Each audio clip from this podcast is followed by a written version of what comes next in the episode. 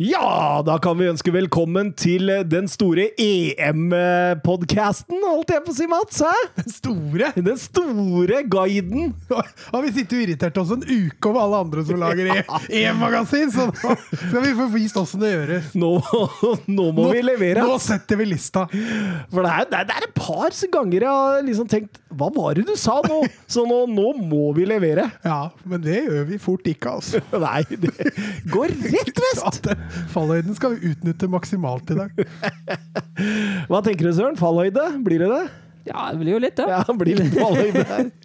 Men vi prøver å gjøre best mulig ut av det. Vi skal i hvert fall gå gjennom eh, absolutt samtlige EM-grupper og litt sånn hva tenker vi kommer til å skje den nærmeste måneden. Det smeller jo i gang allerede på fredag! Tyrkia-Italia, Ja, jeg riktig det. da? Ja, det blir gøy. Jeg gleder, jeg gleder meg skikkelig. Det er jo litt av en kamp man starter med òg, da. Har ikke fått den helt feelingen ennå, altså. Det er litt slitsomt, faktisk. Har du ikke fått EM-feelingen? Nei, jeg driver med så mye, og det er så det blir, Altså, er det korona, så er det EM i 100 forskjellige land, og det, det er ikke den feelingen ennå. Men jeg håper det kommer på fredag. Det, det kommer nok. Det kommer nok. Eh, ja, apropos du driver på mye. Du var jo ikke her sist, Henning. Nei, jeg driver og flytter. Ja. Og det falt veldig dårlig sist, altså. Jeg fikk rett og slett ikke kalenderen til å passe. Nei. Nei, nei så det, sånn er det. det gikk, gikk ikke. Men uh, vi får satse på å komme godt i gang, godt gjennom i dag. Du blei jo erstatta på en god måte, da. Ja, jeg syns det. Han syns han var Synes dyktig, han der tok Tor Kjetil. Ja, Supersub. Eh, hva med deg, Søren? Går det bra, eller? Ja, Ja. gjør det. Du har ikke så mye å gjøre som han? Nei, jeg flytter heldigvis ikke. Han, Men jeg, jeg han har begynt å sykle, han da. Ja, det i motsetning til meg, ja. I motsetning til deg. ja fikk litt, nesten litt kjeft der, ja. Ja, ja, men det er fordi jeg gruer meg litt på dine vegne. Eh, Jeg synes altså Jeg har satt av en uke. Ja. Og du trenger tre-fire fridager. Det har vi ikke tid til. Jo, men jeg regner med du tar med deg sånn sykkelstativ bak på bilen. Dette, dette skal vi sørge for at du fullfører.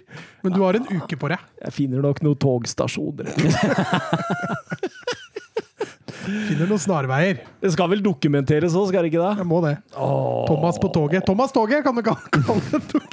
Thomas på toget, minutt for minutt. Ja. Um, dette blir jo en EM-pod, men uh, vi har fått et par spørsmål som ikke handler om EM, så da ruser vi gjennom de først. Alex Andreball på Twitter, Chelsea Tuchel og eh, Haaland. Hvor bra kan det bli? Han, han er jo voldsomt dinka nå, Søren. Ja, han eh, så det, og jeg, jeg tror det kan bli kjempebra. Altså, med, tanke på, med tanke på hvor strukturert Torhild eh, spiller offensiv fotball, å få ham inn i det Chelsea-laget med gode medspillere, med en god filosofi, med en filosofi som passer ham også, jeg tror det kan bli virkelig, virkelig godt også. Hva tenker du, Mats? Jeg tror også det kan bli litt hånd i hanske. Det er jo litt mer kreativitet da, enn på det norske landslaget, eh, som Haaland får bak seg der. Eh, Chelsea, som er et såpass godt defensivt strukturert lag, og da få en kontring, kanskje verdens kontringsspiller nummer én sammen med Mbappe, det kan bli, eh, kan bli klasse, det, altså. Virker som det er seriøse rykter nå. Det gjør jo det. altså at hun, eh, De har vært i kontakt og greier, og Tuchel har snakka med henne på telefon. og Det blir spennende å se hva som skjer. altså. Da blir i hvert fall ikke Kane til Chelsea. Nei, men det, det tror jeg det, det, Der blir det City i så fall. Men, men eh, videre eh, Nisselue på vår kjære nisselue her. Eh, tanker om Norge. Hva skjer med 4-4-2? 4-4-1-1, og med sentrale midtbanespillere i kantroller og midtstoppere på bekk hver jævla gang! En oppgitt nisselue der, Mats. Ja, men dette har vel vi snakka om før, har vi ikke det? Når det var Lagerbäck som eh, styrte butikken. Eh, hvordan han dytta Henriksen og, og gutta ut på kant. Og, så dette er et sånt lite syndrom vi driver med i Norge. Norgesyndromet. Eh, Norgesyndromet, ja. Jeg, jeg, jeg synes jo kanskje, altså, Ut ifra det jeg har sett i Eliteserien, så er jeg jo lite på svensk og dansk fotball, men jeg syns generelt nordiske trenere gjerne henger altfor alt, alt for opphengte i sine formasjoner. Jeg syns også Solbakken Jeg synes det er veldig positivt at han bytter til eh, 3-4-3 etter pausen. Eh, men jeg skjønner ikke at han ikke prøver seg med en diamant eller noe sånt. Men han har så mange gode sentrale midtbanespillere som han har. Absolutt, absolutt. Eh, Ja, du må jo spille men, men samtidig er vi ikke inne i en tid hvor Solbakken må prøve å feile litt nå. jo, nå, nå kan han jo feile. Altså. Men kan han kanskje ikke kan, kan, jo, Han kan jo feile noe annet enn 4-4-2, da. Ja, og feile med noe annet enn Stian Gregersen på høyrebekk, tror jeg. Det, det også tror jeg. Jo, men nå har han jo feila med Ryerson, han har feila med Svensson. Det begynner å bli tynt på den høyrebekken han ikke har feila Omar med. må tilbake! Ja. Omar har vist seg å være, være uerstattelig, faktisk, i den perioden her, så det, den blir viktig. Men eh, jeg er helt enig, og Hauge har vist seg jo ikke Han er langt unna nå. Ja, hva er det som skjer der? Der, eh, Må tilbake til Bodø-Glimt, da. han må tilbake igjen, ja. Eh, og, så, og Moi også har jo heller ikke vært det helt store på landslaget. Da, da mangler vi kanter, altså. Ja. ja. Så det blir litt sånn som Søren sier. da Skal vi spille etter spillere vi har, eller skal vi spille etter systemet vi vil? Ja, nei, det, det, det er en balansegang, det der. der. Eh, men eh, at eh, Solbakken skal få lov å prøve å feile litt nå, det syns jeg altså får vi dømme den etter eh, Altså, Han har jo fått mye fans på måten tilstedeværelsen hans. ja, ja. Både engasjementet for bredden, måten han stiller opp på tribuner i Eliteserien og ser norsk fotball og snakker norsk fotball opp. da. Ja, det, veldig, det syns jeg også er veldig positivt. For, Ja, men Han har jo fått mye positivt på det òg. Så han, eh, han redder jo mye av glansen der. Men om Solbakken eh, skal få noe positivt, så skal vi, og da mener jeg meg og Søren, få noe negativt. eh, Fordi nå er det tid for nest sitt, siste episode, om jeg kan kalle det, for eh, disse såkalte fæle spørsmåla. Ja, og i dag så heter quizen EM. Og det er jo forferdelig. Ja, ja, jeg føler at jeg er skikkelig svak på EM-historie. Altså. VM-historie føler jeg kan, Altså- men EM-historie oh. Altså EM starta jo historien sin på 50-tallet. Vi går ikke dit, altså, gutter. Bare så det er, det er sagt. nei, men nå sitter jeg med et leksikon her, da. Nei, men han, det leksikonet var ikke engang Altså Faren hans var ikke påtenkt engang på 50-tallet. Så. Vi kan starte med litt oppvarming, og da er det en såkalt annenhver gang. Og da er det så enkelt at jeg har da skrevet ned de 17 spillerne som har flest mål i EM totalt.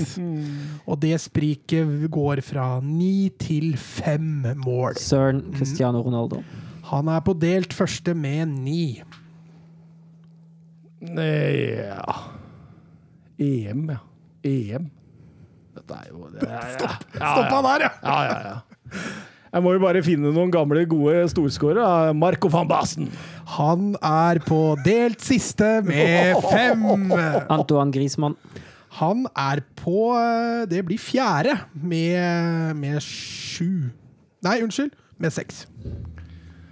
Holdt på å si Lionel Messi må jo være der, men det, Hadde du Da- gått på en eh, smell? da er vi i feil eh, forum, si. Oi, oi, oi. EM. Jeg, jeg må tenke, ass. Nyere historie, i hvert fall. Steike, ass. Jeg har, jeg har rett og slett ikke kontroll, jeg, men, eh, men eh, Altså, fordi det er sånn Jo, det fantes, fantes jo mange store, noen Totti, og, men, men er de på lista? Ah, EM. Spania vant EM. Fernando Torres. Han er sikkert der. Han er ikke der, Thomas. Han har bare tre mål i EM-en, dessverre. De dere ikke Nei, tok dette ble for vanskelig for meg, Nei, altså. kanskje du Nei, du Michel, er Michel Platini er del første med Ronaldo, i hvert fall. Det er helt riktig. Scherer, Van Nistelrooy, Kloifert, Rooney, Henry, Ibrahimovic, Milosevic, Baros, Klinsmann, Mario Gomez, Zinedine Zidane. Ja. Hva er spillere dere ikke nevnte. Greit, da får dere noen kategorier dere skal få lov å velge mellom. Søren tok eh, ledelsen 1-0.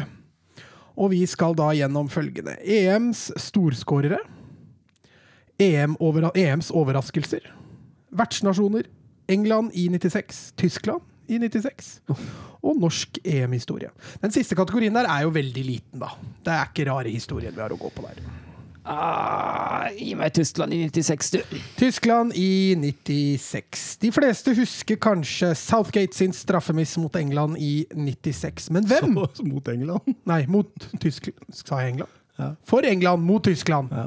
i 96. Men hvem ble helten for Tyskland med sin 6-5-straffe? Herregud, jeg aner faktisk ikke. Det var lenge før min tid, sånn sett. Åh. Jein tipping, det, da. Det var spørsmål, det nå. Så det lover jo jæklig. Ja, vi har jo sagt det til deg, da! Nei, jeg Det er vet hva. EM-historien. Jeg var fem år gammel da den ble spilt. Uh, å, bare gjette nå. 6-5, sa du, ikke sant? Tyskland vant 6-5, ja. Mm, da er det jo de etablerte straffeskårene som har sagt sitt. Uh, Jørgen Kola. Det er feil. Ja. Ja. Er det bare å, å kjøre rein tipping, da? Eh, Oliver Bierhoff. Det er også feil. Det var Andreas Møller vi skulle fram til her. Thomas, da får du nummer to. Hvilken tysker ble kåret til EMs beste spiller i 96?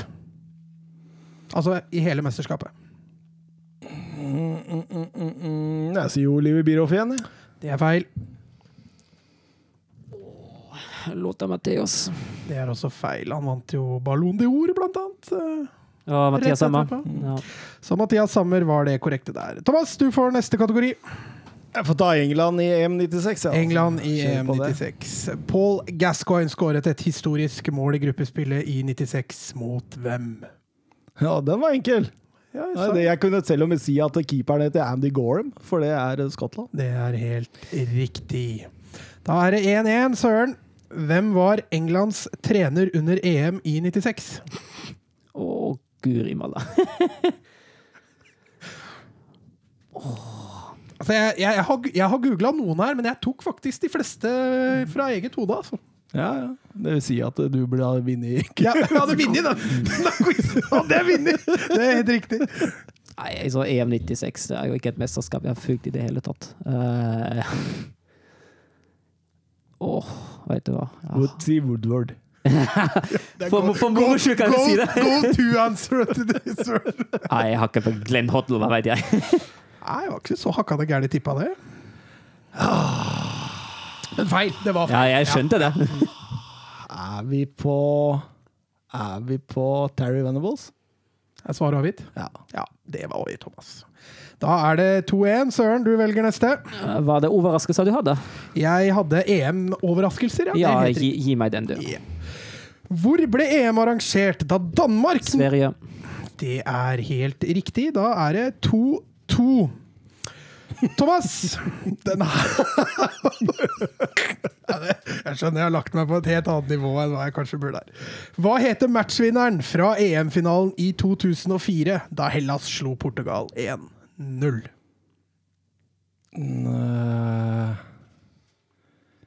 Eh, han he... Det har jeg faktisk på tunga. Ja, det tror jeg, for det navnet er ikke så ukjent. Nei Mi Nei.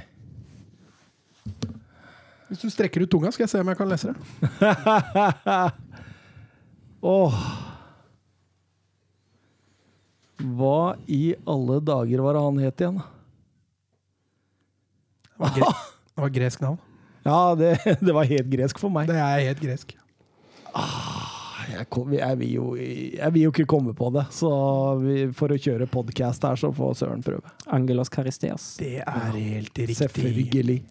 Da er det 3-2, Søren. Og da er det Thomas som velger kategori, ikke?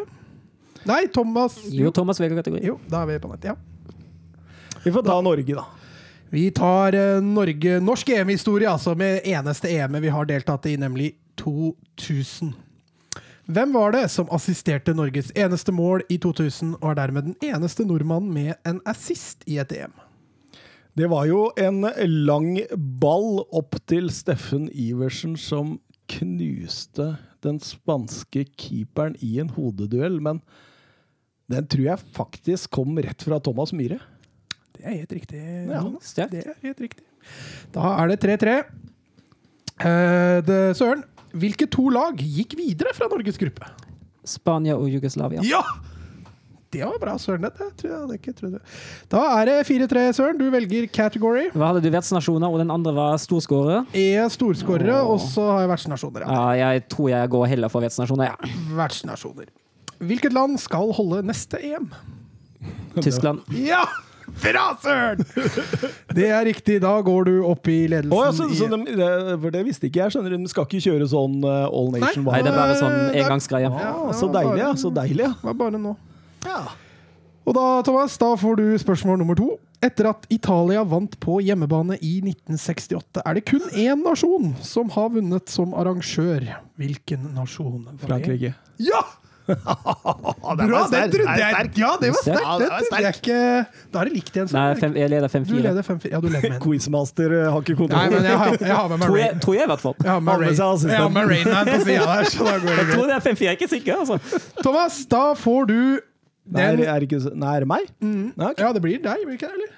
Ja, ja. Det blir Thomas først. Ja. Hvor var det vi var nå? Storskårer var det. Storskårer, ja. Jepp.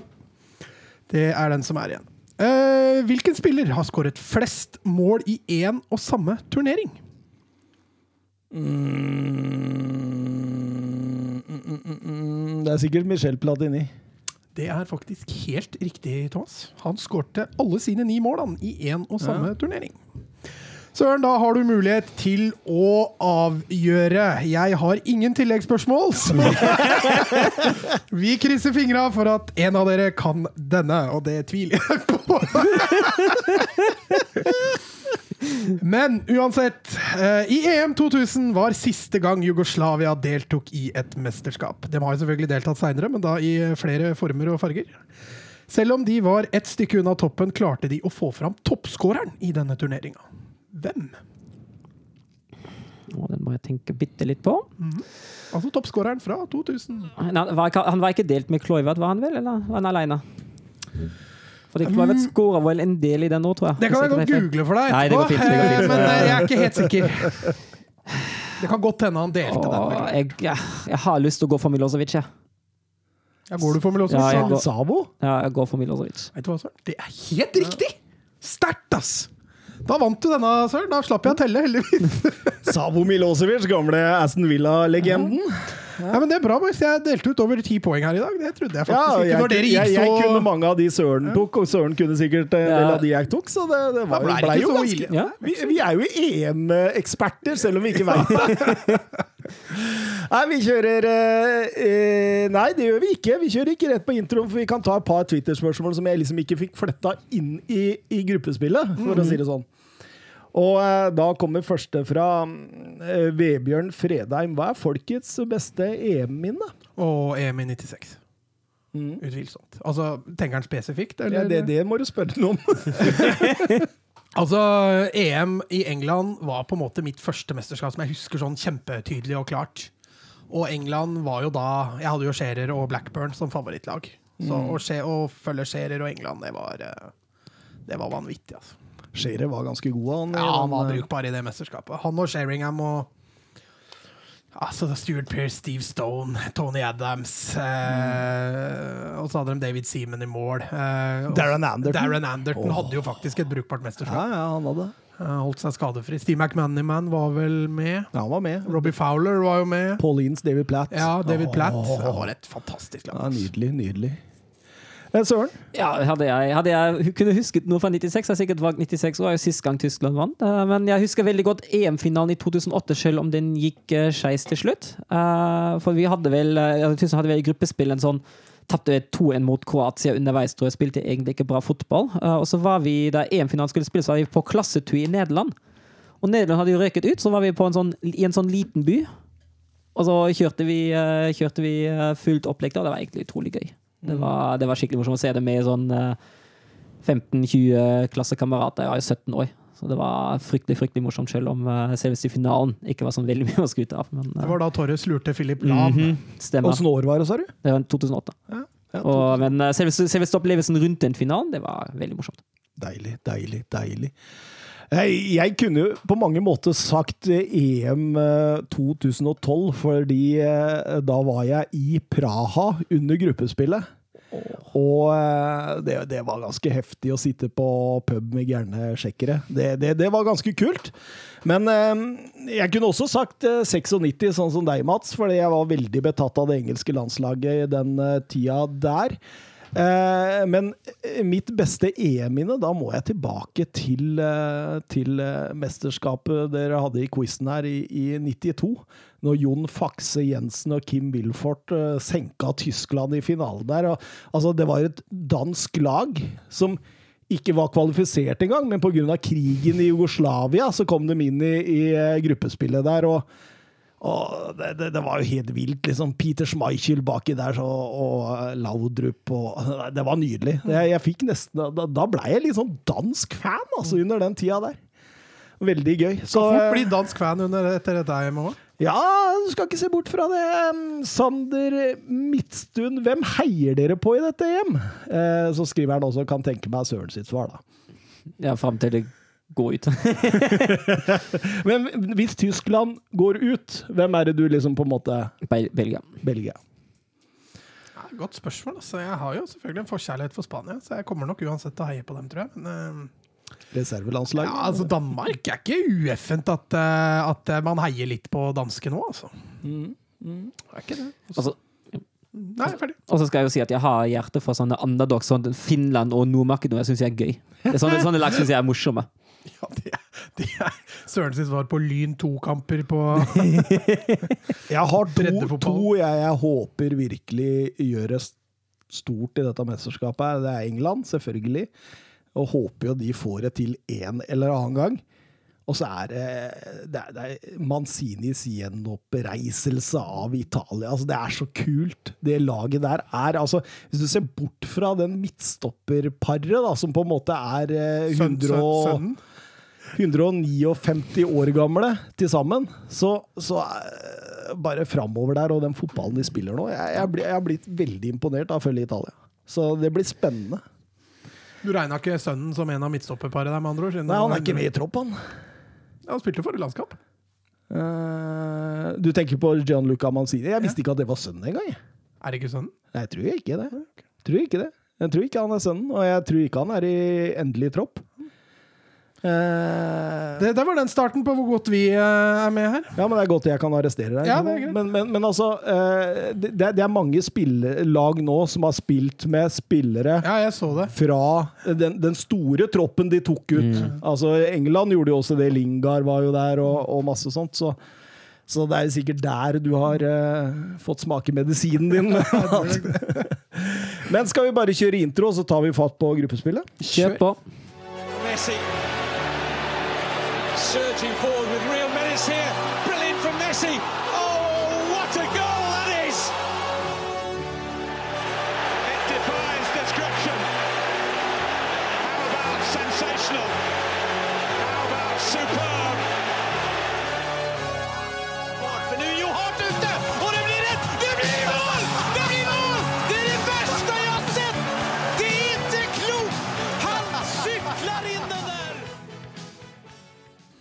Ja da!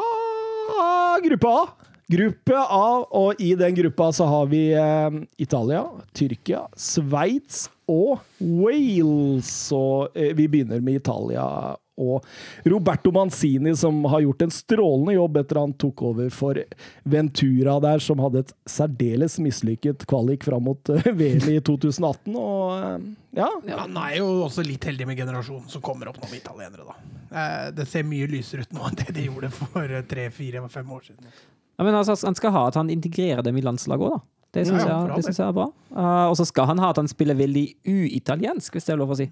Ja for nå, nå er det ikke safe på 1-0 lenger. Og, og Nei, nå er det jo det, tempo i angrepsspill og offensivt spill og høyt press til og med, og, og alt det der. Og likevel er Italia vanskelig å slå. De taper jo knapt en fotballkamp. Jeg har ikke tapt siden sist i september 2018 at de har tapt en fotballkamp eller noe sånt. Det landslaget der. Så det ser jo virkelig morsomt ut nå.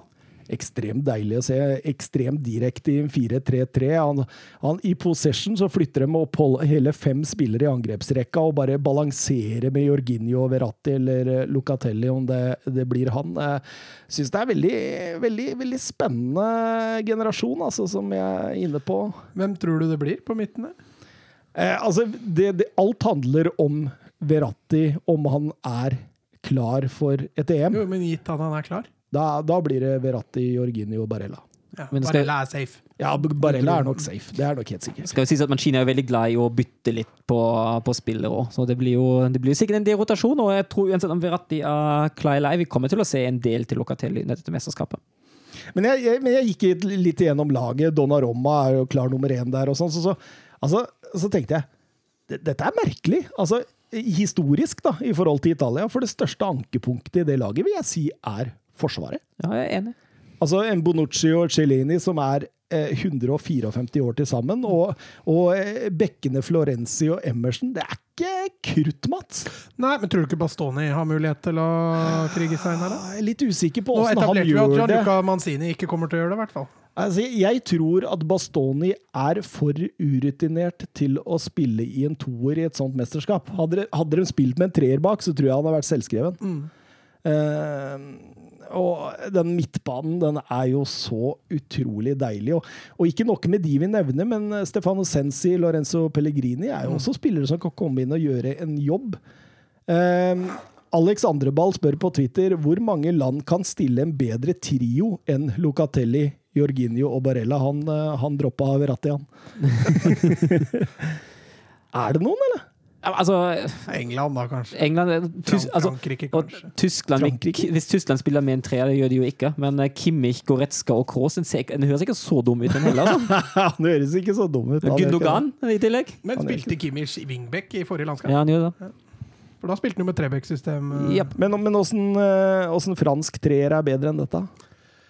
Ja, I hvert fall Kanté og Pogba er jo med i Ja, den men det, det, det er der jeg tenker, den siste der. Ja, det er kanskje litt sant. Kan du trekke Grismann bak Benzema?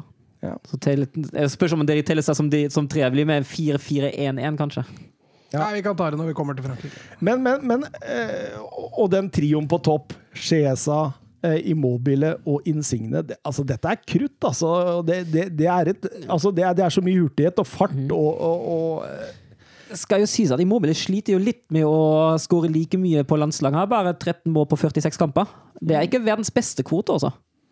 Nei, jeg er for så vidt enig med deg i det, men jeg syns han har virka skarp fram mot, uh, mot dette mesterskapet nå. Deilig offensivt gjennom hele linja. Jeg syns det er så deilig. Uh, Italia, det er, det er en skikkelig underdog for meg.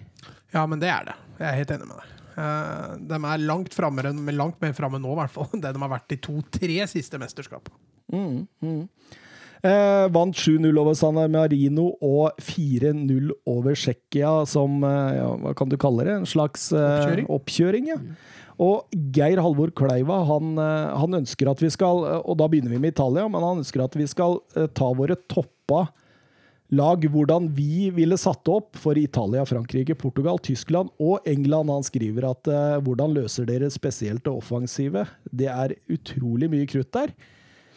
Og det blir, det blir Ja. mye krutt. Men, men for Italia sin del så syns jeg den trioen og framme du nevner, den synes jeg er litt selvskreven. Det er ikke så mange som banker på døra der. På midten der, der er det litt der er det litt mer kamp, altså. Ja, for Locatelli han kan gå ja, inn der. Han kan fint finne på å gå inn der, altså. Men, men, men samtidig, vi går for en Verratti, Jorginho, Barella. Ja, Ja, enig. Jeg tror, også, jeg tror det er også den de passer Manzini sin stil best. ja det tror jeg. Det tror jeg. Så kan heller Locatelli bytte med Jorginho eventuelt. Eh, Forsvaret, eh, ville du hatt din Bastoni i en toer, eller hadde du tørt det? Jeg hadde kanskje tørt det mot de litt lag... Altså Først vinne de to første kampene, og så tredje kampen kjørt Ja. Bastoni og sett åssen det fungerte. Men det kan det godt hende han gjør, eh, Søren. Ja, som sagt, han er jo veldig glad i å, i å rotere og, og eksperimentere, bruke forskjellige spillere. Uh, og det er jo positivt når det fordeles sånn, i sånne situasjoner som Mats er inne på nå. Men hvem var det du sa hadde på høyrebekken? Det blir Florenzi. Ja, det blir Florenzi, det blir nok Florenzi. Det, det, det, det kan, kan bli Di Lorenzo også, fra Ja. Napoli. Eh, kanskje jeg ville foretrukket han, faktisk. Ja, jeg også tenkte litt, for Det var derfor jeg stussa på når du sa Florenzi, at eh, Di Lorenzo kan være et vel så godt alternativ. Altså. Ellers er det jo altså det er jo bøtter med rutine baki der, med Aserbi og Toloi også. Så det, det, det Nei, det blir spennende å se. Skal vi gå over til, eh, til Tyrkia? Yeah. Hvor Senol Gunes eh, Ja, han tok vel bronse i VM i 2002 han, med dette Ja, han tyrkiske det. laget. Og han har, jo, han har jo klart å få dette tyrkiske laget nå. Han har jo videreutviklet det også ganske godt. Uh, siden han har overtatt, har jo Tyrkia sett uh, til dels veldig gode ut. Blant Ja. annet mot Norge. Han starta jo bra mot Nederland. Feid, han feide jo ikke akkurat de av banen. Hvis jeg husker riktig, så var vel det en kamp Nederland tapte veldig ufortjent. Men uh, starta med seier der, og så gikk de videre til å slå Norge. Så han har jo starta jo også VM-kvaliken veldig bra. Altså var det vel en litt mislykka kamp mot Latvia. De leder Ja. 3-1, og så blir det 3-3 til slutt. Det var en blemme. Eh, en seier der for Tyrkia ville satt dem i en vanvittig god posisjon. Altså. Jeg sy- jeg- Altså, dette generasjonsskiftet som liksom sånn har sniket seg inn i Tyrkia, da har, har gitt Gones også eh, mer. Altså, jeg, jeg tenker på denne keeperen, eh, Kas- Kasir.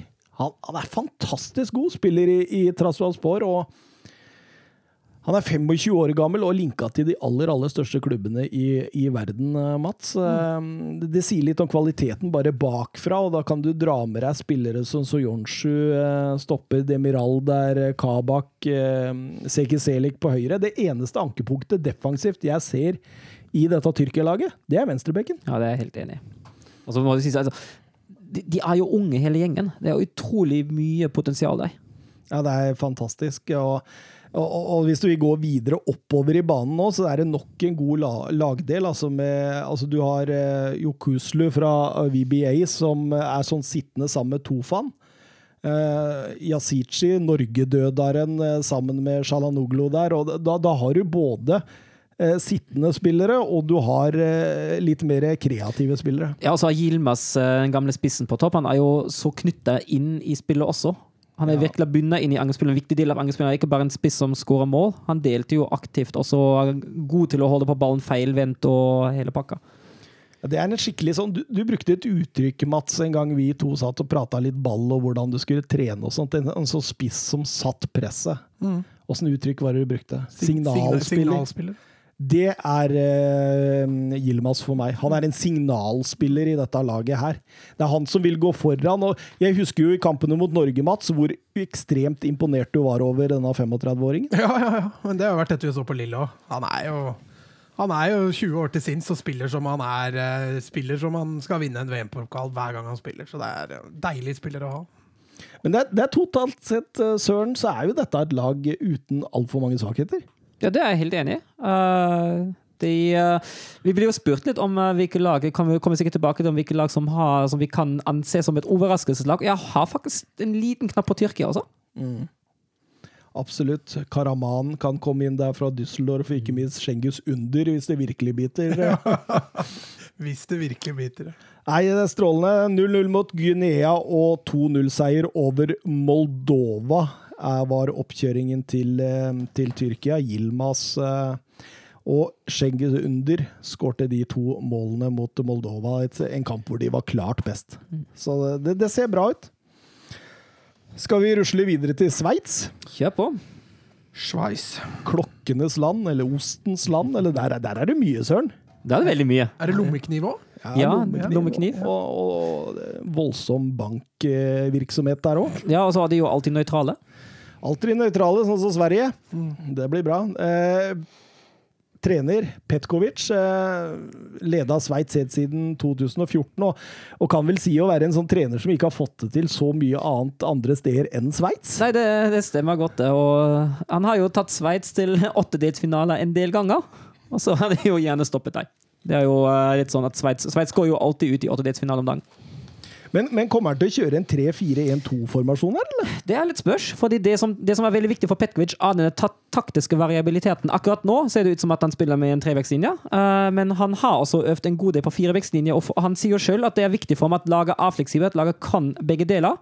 Og også begge deler i løpet av én kamp, at man kan, eh, kan reagere og foreta endringer i løpet av én kamp. Og det syns jeg er veldig spennende.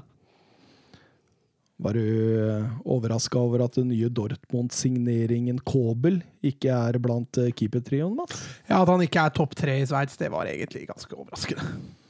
Jeg fatter, det- skjønner du den, Søren? Du som Nei. leser litt sånn Nei, jeg gjør ikke det. Nei. Jeg syns Kobel er en eh, fremragende keeper.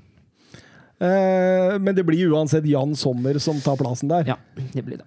Eh, hørte en eh, annen podkast hvor de utropen den til EMs mest sexy fotballspiller, og da mente de utseendet, Mats. Du som er så opptatt av sånne ting. Ja, du ser jo åssen jeg ser ut, så det er klart, du skjønner jo med en gang at jeg er opptatt av sånt.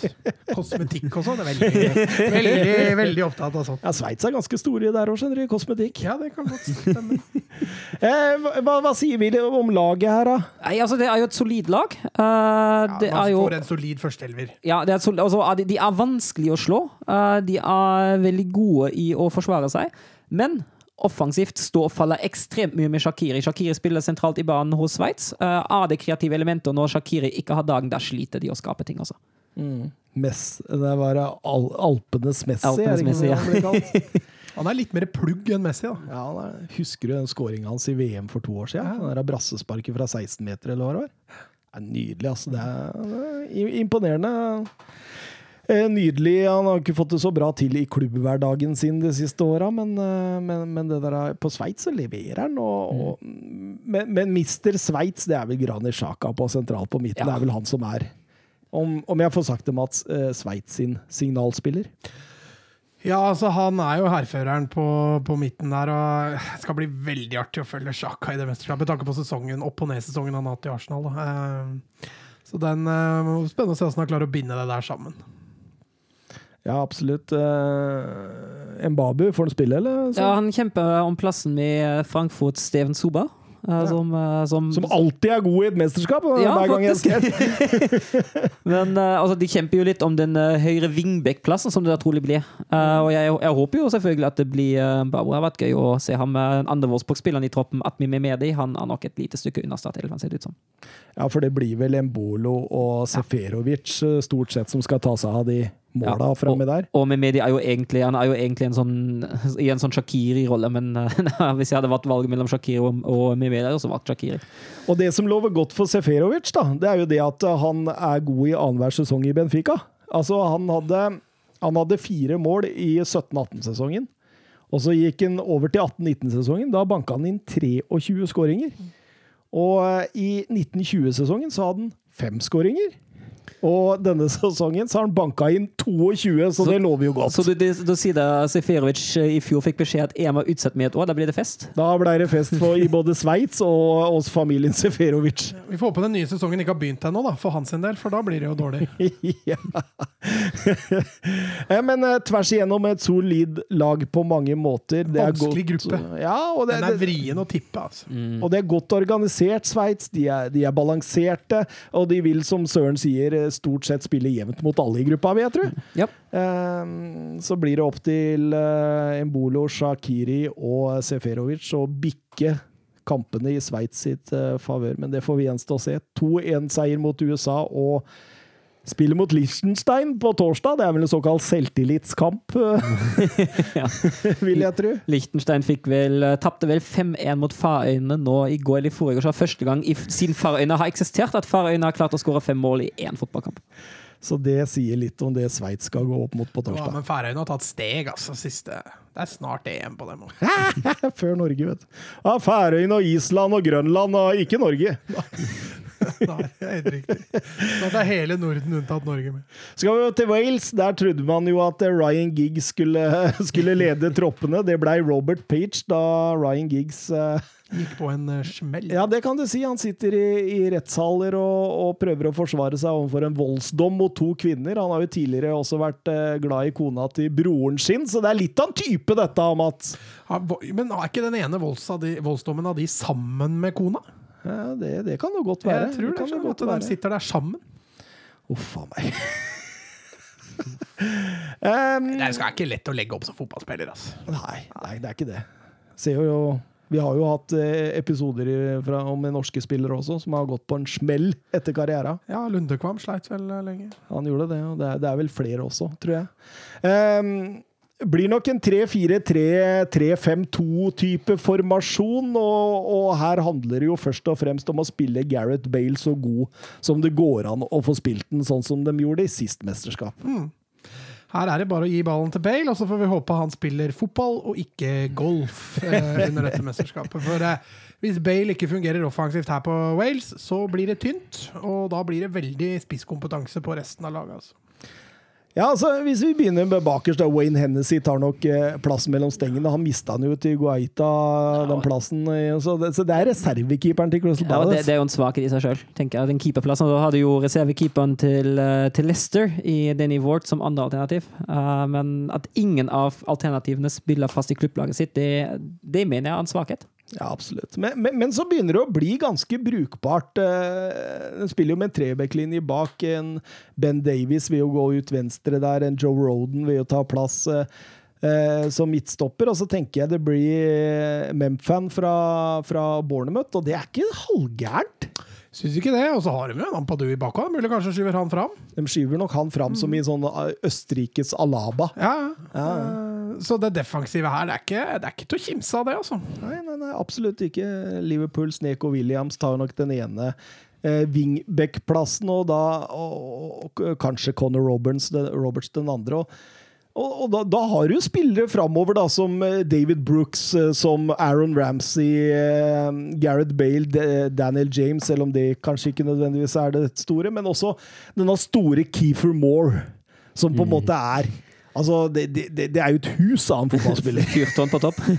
det kan du godt si. Men han er, han er 20 mål i championship i år for Cardiff. Han er en gedigen spiller, råsterk i duellene, holder på ballen og oppspillspunkt. og jeg, jeg, de, de kan nok en gang sjokkere Europa, disse her, altså. Ja, ja, jeg, jeg, har ikke avskrevet Wales i det hele tatt. Jeg tror de også kan være mm, potensiell overraskelse. Og så må vi tenke på det, Søren, at når de tapte 3-0 mot Frankrike i oppkjøringen her, så blei jo Neko Williams utvist på 0-0 ganske tidlig i matchen, så Frankrike spilte jo 11 mot 10 hele kampen. I var vel lørdag de hadde 0-0 mot Albania, og, eh, og eh, da fikk de til og med inn han eh, unggutten på Manchester United. Hva er det han heter igjen? Han heter Dylan Levitt. Mm. Han var en av banens beste i den kampen der, så det Interessant. eh, Åssen tror vi det går i gruppa? Jeg tror Italia tar, tar førsteplassen. Jeg Eh, har Italia og Tyrkia som to favorittene, og så ja. den tredjeplassen der, den, eh, den blir jevn, altså. Jeg tror Sveits eh, Jeg tror egentlig det blir, Schweiz, blir mellom Sveits og Tyrkia om andreplass, men jeg er enig med Mats at jeg holder Tyrkia som en favoritt om andreplassen. Eh, Så tror jeg Sveits tar tredje, og så tror jeg det dessverre har det bra til Wales. Da tar jeg Wales på tredje, og så Ja, jeg holder litt med deg, Mats. Jeg synes det, er, men men det, det er mest fordi Det er litt kjærlighet der. Ja, det er litt kjærlighet der. Eh, da går vi over til gruppe B. Og da begynner vi med de danske drenger, Mats. Hei, vet du, Kasper Hjulmland sine, sine gutter. Det blir et fryktelig spennende, spennende lag, ass. Ja, men det, det var jo egentlig Åge Hareide som eh, Det var egentlig Åge Hareide som skulle gjøre dette, ja. Men eh, det kom et virus, og jeg syns det var rart ass, at han ikke fikk forlenga den. eh. ja, det, Det er sikkert en forklaring der, det, som jeg ikke har fått med meg, men Og du kan jo si at eh, etter at eh, Kasper Hjulmann tok over også, så har jo det danske laget gått i en retning, rett oppover. Ja. Eh, Han har gjort en strålende jobb. Han har en seiersprosent på 66% på 13 kamper, og, og eh, er jo en sånn litt sånn eh, filosofisk ut av deg sjæl-trener. Litt sånn, kan jeg få si Per-Mathias Høgmo Light? Litt sånn. ja, på en måte, men han får det jo bedre til enn en Høgmo. Han er jo, han er jo veldig, veldig super Ivar Morten Nordmark-light, da. Han er, jo, han er jo veldig preget av både Johan Cruyff og Morten Olsen i spillet sin. Han var jo til og med uh, Han fikk jo jobb i Mainz som Mainz-trener, men det gikk ikke bra. Fikk en sparken etter sju og en halv måned. Det fungerte bare ikke, men uh, som landslagsleder i Danmark gjør han en god jobb. Og når du er en, uh, inspirert av Johan Cruyff, da spiller du 4-3-3, Mats. Det gjør du, ass. Eh, vanskelig å få til Cruyff-fotballen uten 4-3-3. Kasper Schmeichel bakerst, det er jo pur klasse. Det er det, definitivt. Eh, så har vi noen midtstoppere i klasse, Mats. Ja, ikke bare noen, det var egentlig ganske mange. Eh, Joakim Andersen, som du har lagt inn elleve oh, Eh, håper man jo selvfølgelig å få se mest mulig i dette mesterskapet. Og så var du inne på at Kjær er låst litt som kaptein. Eh, på en måte kanskje litt synd, for du har en Andreas Christensen og en Jannik Westergård som eh, fort vekk kan burde få spille der. Absolutt. Er. Ikke at Kjær er dårlig, altså. På ingen måte. Nei, for en sesong han har ja, tatt AC eh, for all del, og han eh, forsvarer helt sikkert en plass i den elveren. Um, men ja, som du sier, når du er kaptein, så får du visse fordeler. Mm. Du gjør det. Så det blir spennende å se hvis, hvis eh, Kjær ikke holder mål, om han tør å ta han av. For han har garantert en stopper på benken som holder mål. Bekkene der med en Valencia og en Atalanta-spiller, det sier jo litt eh, i Mele og eh, Vass. Ja, og det er jo, det er jo kvalitet, det òg. Altså, nå er jo Valencia ikke akkurat synonym for kvalitet nå, om dagen, da, men uh, vil si at Vass er en av de bedre spillerne i, uh, i Valencia denne sesongen her òg. så jeg, jeg syns generelt det forsvaret der, inkludert keeper, det ser sterkt ut. Det samme kan man egentlig også si om den defensive midtbanen. Sentralt på midten, eller i en såkalt treer der, så er det to grovjobber og en eh, kreativ i ildsjel, eh, Mats. Ja, du har en kreativ ildsjel i, i Christian Eriksen. Jeg regner med det var han du, han du hinta til der. Også. Meget viktig! Ja, han eh, kommer til å strø. Og, og en eh, Christian Eriksen ute av form vil nok sette dette danske laget i, i litt mer trøbbel enn enn det man kanskje skulle tro. Eh, og så blir nok også Thomas Delaney eh, fryktelig viktig. Altså. Erfaring, eh, den evnen han også har med ball. Han er en god igangsetter òg, i tillegg til en god ballvinner. Så mm, han også blir nok viktig.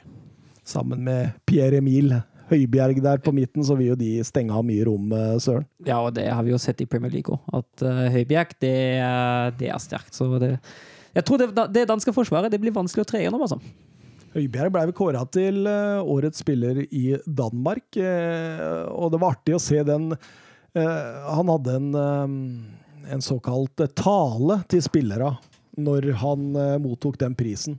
Og det var veldig kult å se, fordi hvor, hvor opptatt han var av at at det nesten er litt sånn fælt å sitte i en lagidrett og ta imot uh, den bestemannsprisen da, eh, for det året. At, eh, og, og, og på slutten av den talen så sier han også at, liksom at men vi skal oppnå noe stort nå, liksom. Nå skal vi som lag nå skal frem, og det virka nærmest som at han hadde liksom tru på at dette kan bli EM-gull.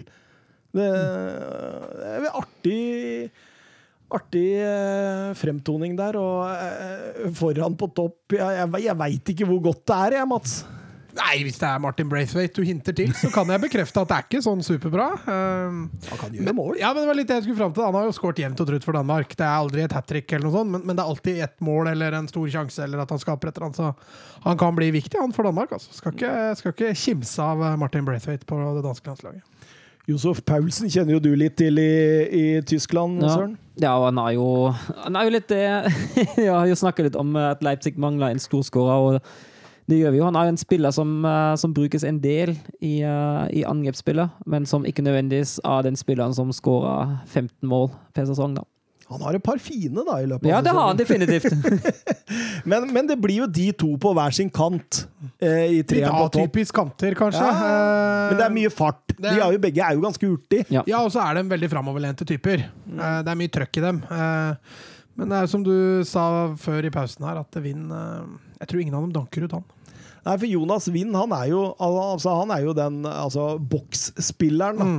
eh, som har gått gradene i FCK nå og kan være på vei til Westham denne sommeren. En 22-åring som, som ser meget bra ut, og som er på en måte Altså, det ser litt ut som en sånn blanding av eh, Skal jeg si Jan Koller og Niklas Bentner, altså? det, det, det er litt av en blanding, men, Ja, men, den er stilig. men, men det ser veldig bra ut, og hvis han ikke fungerer, så har vi med Andreas Cornelius, som også er en sånn type spiller, så er det åpenbart at det, den, den midten i treeren framme, han skal være en duellspiller, en boksspiller som tar plass og rydder unna. Og det er jo helt greit med tanke på de typene du har på kant òg. Ja, absolutt. absolutt. Jeg spilte 1-1 mot uh, Tyskland uh, i oppkjøringa. De uh, vant 2-0 over Bosnia, og det bør ikke være så gærent, det. Nei, det skal jo sies at den den 1-1-kampen, der var Tyskland nok litt overlegen. Men jeg, jeg er litt redd for hvis Christian Eriksen har et dårlig mesterskap, Da. eller hvis han blir skada eller et eller annet sånt, fordi bak der er det altså i, i, Altså, jeg kikka på den troppen. altså Mathias Jensen fra Brentford. Og, og, og lagkompisene hans også i Brentford. De rykka, ja, riktig, rykka riktignok opp, men Ja, men de Damsgaard òg, men det er- det er liksom ikke samme type spillere, da. det laget offensivt det er nok veldig avhengig av at Eriksen gjør det bra og har gode dager, altså. Tror jeg. Petter Støvland på Twitter er Danmark virkelig en gullkandidat, slik flere hevder. Jeg syns det er en kandidat til å, til å kunne overraske. Til å kunne komme langt, potensielt om alt klaffer, men jeg tror ikke Danmark eh, Altså, jeg holder ikke Danmark skal veldig mye til, tror jeg. Ja, jeg holder ikke Danmark blant de fem-seks største favorittene engang, altså. Men et, en, potensiell, en potensiell overraskelse, definitivt. Ja, det er helt enig. De en kvartfinale, en, en semifinale, hvis alt klaffer.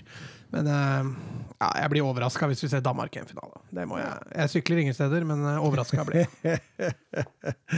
Eh, Et annet lag jeg blir overraska over en finale, det er Finland. Eh, De er i sitt første EM, og eh, Altså, De har vært nær mange ganger, men alltid liksom mislykkes. Jeg, jeg, hørte, jeg tror det er noen år siden jeg var for VM 18 eller EM 16, da jeg leste i en statistikken at Finland det er det laget som i hele verden som har oftest prøvd å kvalifisere seg til et mesterskap, men uten å lykkes. Så den, eh, den serien er i hvert fall brutt nå. Uh, og det er jo litt gøy med nykommerne, som jeg sa innledningsvis. Jeg syns sånne lag er kule å se i et mesterskap, men de er jo solklare outsidere. Kan du si noe om eh, Marku Kanerva, han eh, godeste treneren der, eller en taktisk nerd, har jeg hørt? Ja, taktisk nerd. Og han har jo, han har jo han har eksperimentert litt med den, med den formasjonen. Før var det jo veldig tradisjonelt finsk å spille 4-4-2. Uh, nå er det litt mer 3-5-2, 3-4-1-2 og litt 4-4-2 oppi det hele. Så han, han eksperimenterer litt. Han stiller laget litt, litt om. Og han angriper veldig mye via, via vingbekken og via kantene. Eh, Mats, har du fått med deg hvordan han fikk jobben i Finland? Nei, det har jeg ikke. Nei, Det er litt artig, skjønner du, fordi eh, forbundet var ute etter en trener, Ja. eh, men de hadde ikke penger. Nei. Så da drev de og rota litt rundt, og så fant de til slutt han da i sitt eget system som en sånn ja, fant den ikke på Nav, liksom. Nei, jeg fant den ikke på Nav, men, men det var liksom sånn Altså, han var egentlig egentlig 7., 8., 9., 10. valg. Men økonomisk så, så passa det ikke seg annet enn å, enn å hente han. Og eh, han har jo gjort det strålende. Han har, han har, han har skapt en sånn lagfølelse, en sånn team spirit i klubben der, da, eller i laget der, som eh, en tilhørighet. Altså, han, han, gir, han tar også spillere med på råd. Han er en sånn, altså, kall, kall det gjerne Marit Breivik, var ikke hun som var veldig opptatt av det med håndballandslaget? Og, eh, og liksom forhøre seg med spillere underveis hele tida, og, og, og skaper en sånn på en måte tilhørighet og en sånn gjeng. da, altså Lagånd. Vi, vi, her skal vi bare krige. Vi er eh, mye dårligere enn motstanderen stort sett hver eneste kamp vi spiller. Men vi kan ta dem på mye annet. Og det er der det går. Ja, det er der det går. Så kan vi jo si at Finland er det eneste laget som har en spiller fra Eliteserien i troppen. Ja, Robert Taylor. Robert Taylor, stemmer det? Mm. Brann. Brann, ja. Tidligere Tromsø. Tenk at jeg kan sånt om Det er norsk. Sterkt, Thomas. Altså. Ett poeng i quizen. Altså. Ja, det er faktisk det, for det var spørsmål 11. Det, det var tidligere. Jeg vant! men men, eh, men eh, habil keeper, da. Radetski, ja, jeg vil si at han ved siden av Pukki er jo altså Det er Radetski og Pukki som på en måte er de mest kjente og de største stjernene i det laget. der og Det er jo Radetski som til daglig spiller høyest. Og som, det er jo han som faktisk står for en stor, god del av den internasjonale erfaringen det laget der har. Absolutt. Eh, Når eh, Finland kvalifiserte seg til EM der, så løp Radetsjki bak målet, henta seg en halvliter fra en eh, supporter. Han, han, er jo en ølhund. Han er det. Han er en skikkelig ølhund, og det, det er artig. Bakre eh, treeren, eller femmeren om vi skal kalle det, der finner vi bl.a. gamle Molde-spiller Toivio. Vi finner Araujuri, som, som visstnok skal være en meget habil jeg, jeg, jeg leste et intervju med, med Taylor, og han sa det at jeg har aldri sett ham tape en hodeduell. Oi, ja, han, er, han er, skal visstnok være en av de spillerne som er viktigst for Finland nå. En, av, en av de som de virkelig ikke kan erstatte. Han spiller i Kypros. Ja, det kan fortere hende han gjør. ja.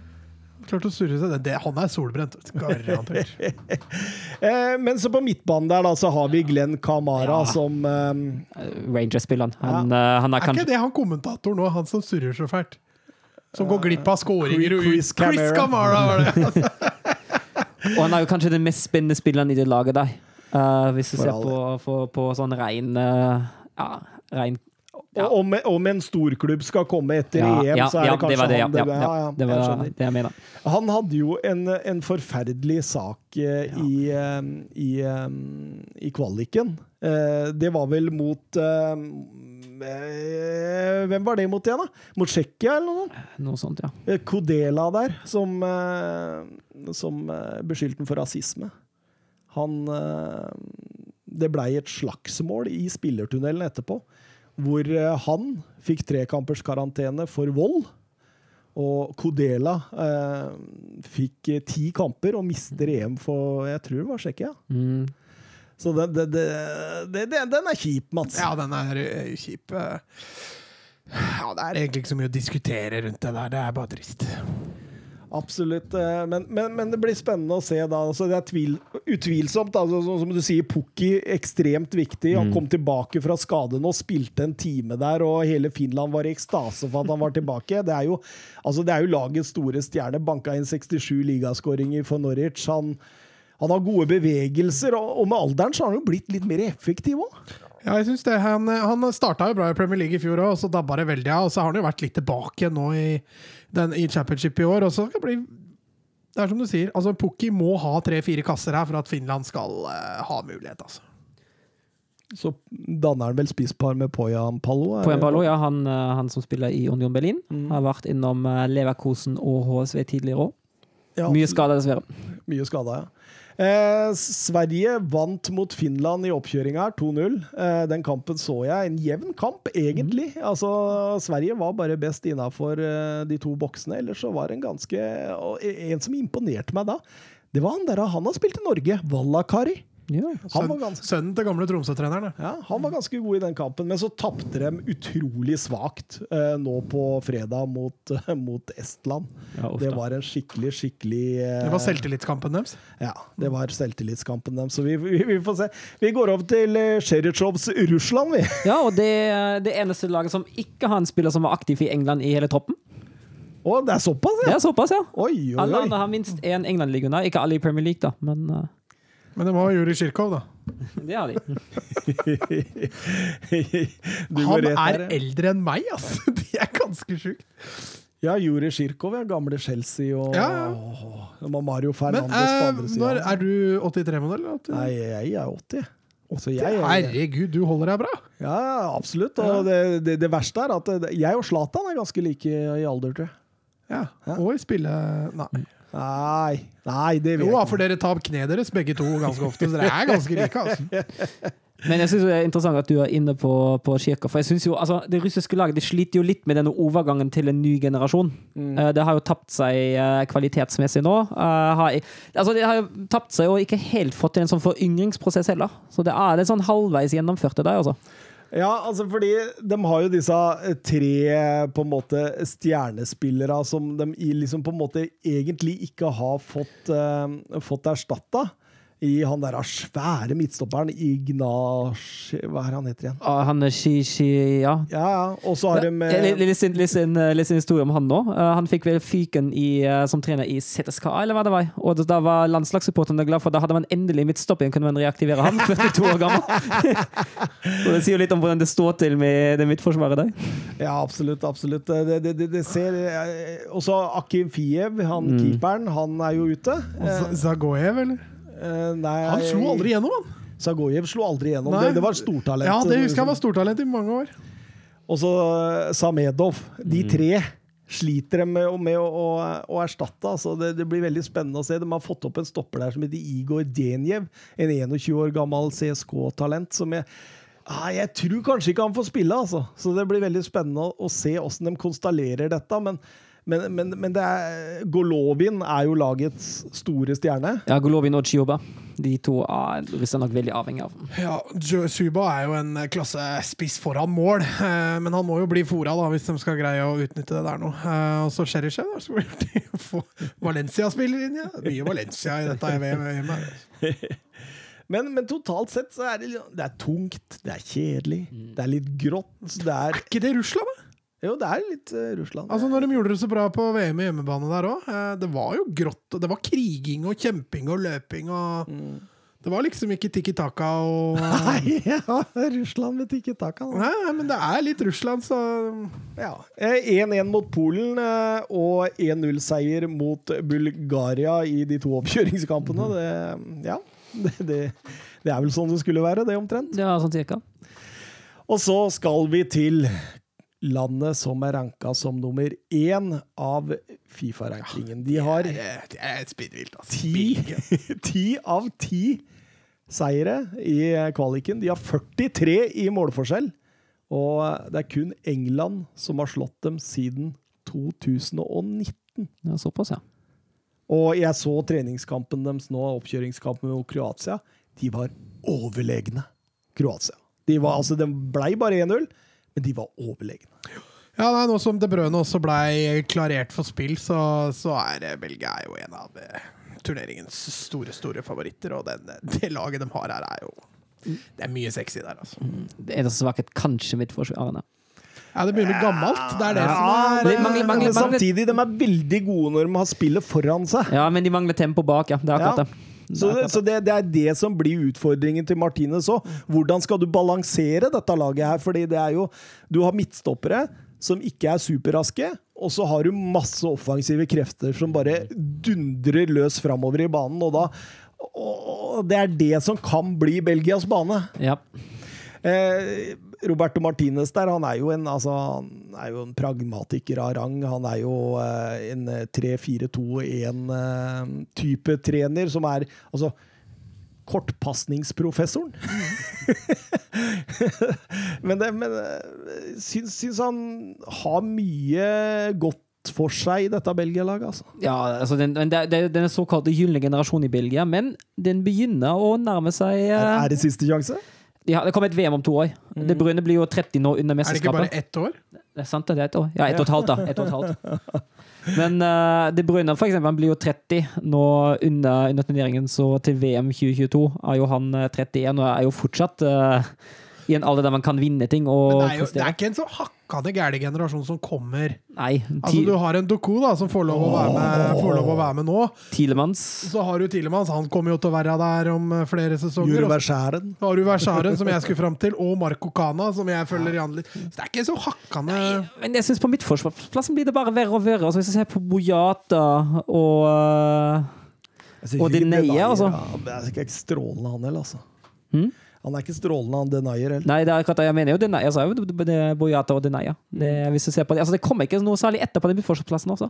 Altså Monier, som har hatt en forferdelig sesong i Dortmund. Altså, de må ta med Fermalen, for, som driver og surrer ned i Japan, i, i tropp. Og det sier litt hvor, hvor og han kom også inn i den landskampen som du nevnte nå Mm. sist. Han, han er jo i nærheten, men jeg tror nok Alde Firell og Fartongen er safe. Er, de er safe. Og så skal det bli spennende å se hvem han dytter inn som tredje. Jeg tror det blir Boyata. Jeg tror også det blir Boyata. Nei, jeg, da, da, da, Denayer tror jeg det er. Tror du det blir Denayer? Ja, jeg tror det blir Denayer. For Boyata spilte noe siste, så Ja. Jeg tror også det blir Boyata. ja. Jeg tror det blir den, Denayer, for Denayer var veldig god mot uh, Kroatia. Ok, ok. Um, vi, vi kan jo gå, uh, gå bakfra, egentlig. Uh, Courtois i mål. Strålende. Eh, så vi snakker om midtstopper Ja, for nå setter du opp en elver? Eh, nei, jeg bare går gjennom lag. Ja, ja, for jeg som, tenkte du fikk et spørsmål om Ja, det, det, det, det kan vi. vi. Kan egentlig gjøre det nå. Det gjør vi. Eh, Courtois i mål, den er jo Den er safe. Eh, Jeg tror jeg så- vil ha en Mignolet, faktisk. Men Aldefereld, Fartongen, og jeg sier da Denayer, og dere sier Boyata. Ja, ja altså, hvis jeg hadde valgt, hadde jeg valgt Denayer og jeg er ikke noen sånn stor Boyata-fan heller. Men jeg tror det blir Boyata. Monier høyre, Carasco venstre. Er vi enige i det, eller? Ja, Carasco har jo blitt en strålende venstre wingback så, i, Mad i Atletico, så den også er ganske selvskreven. Witzel er skadde det er, det er litt usikkert hvor mye han orker, Litt usikker, ja. men han hadde vært med i laget vårt. ja. Ja. Og hvem hadde vi satt ved siden av han, da? Tilemanns? Jeg tror jeg har gått for Tilemanns, ja.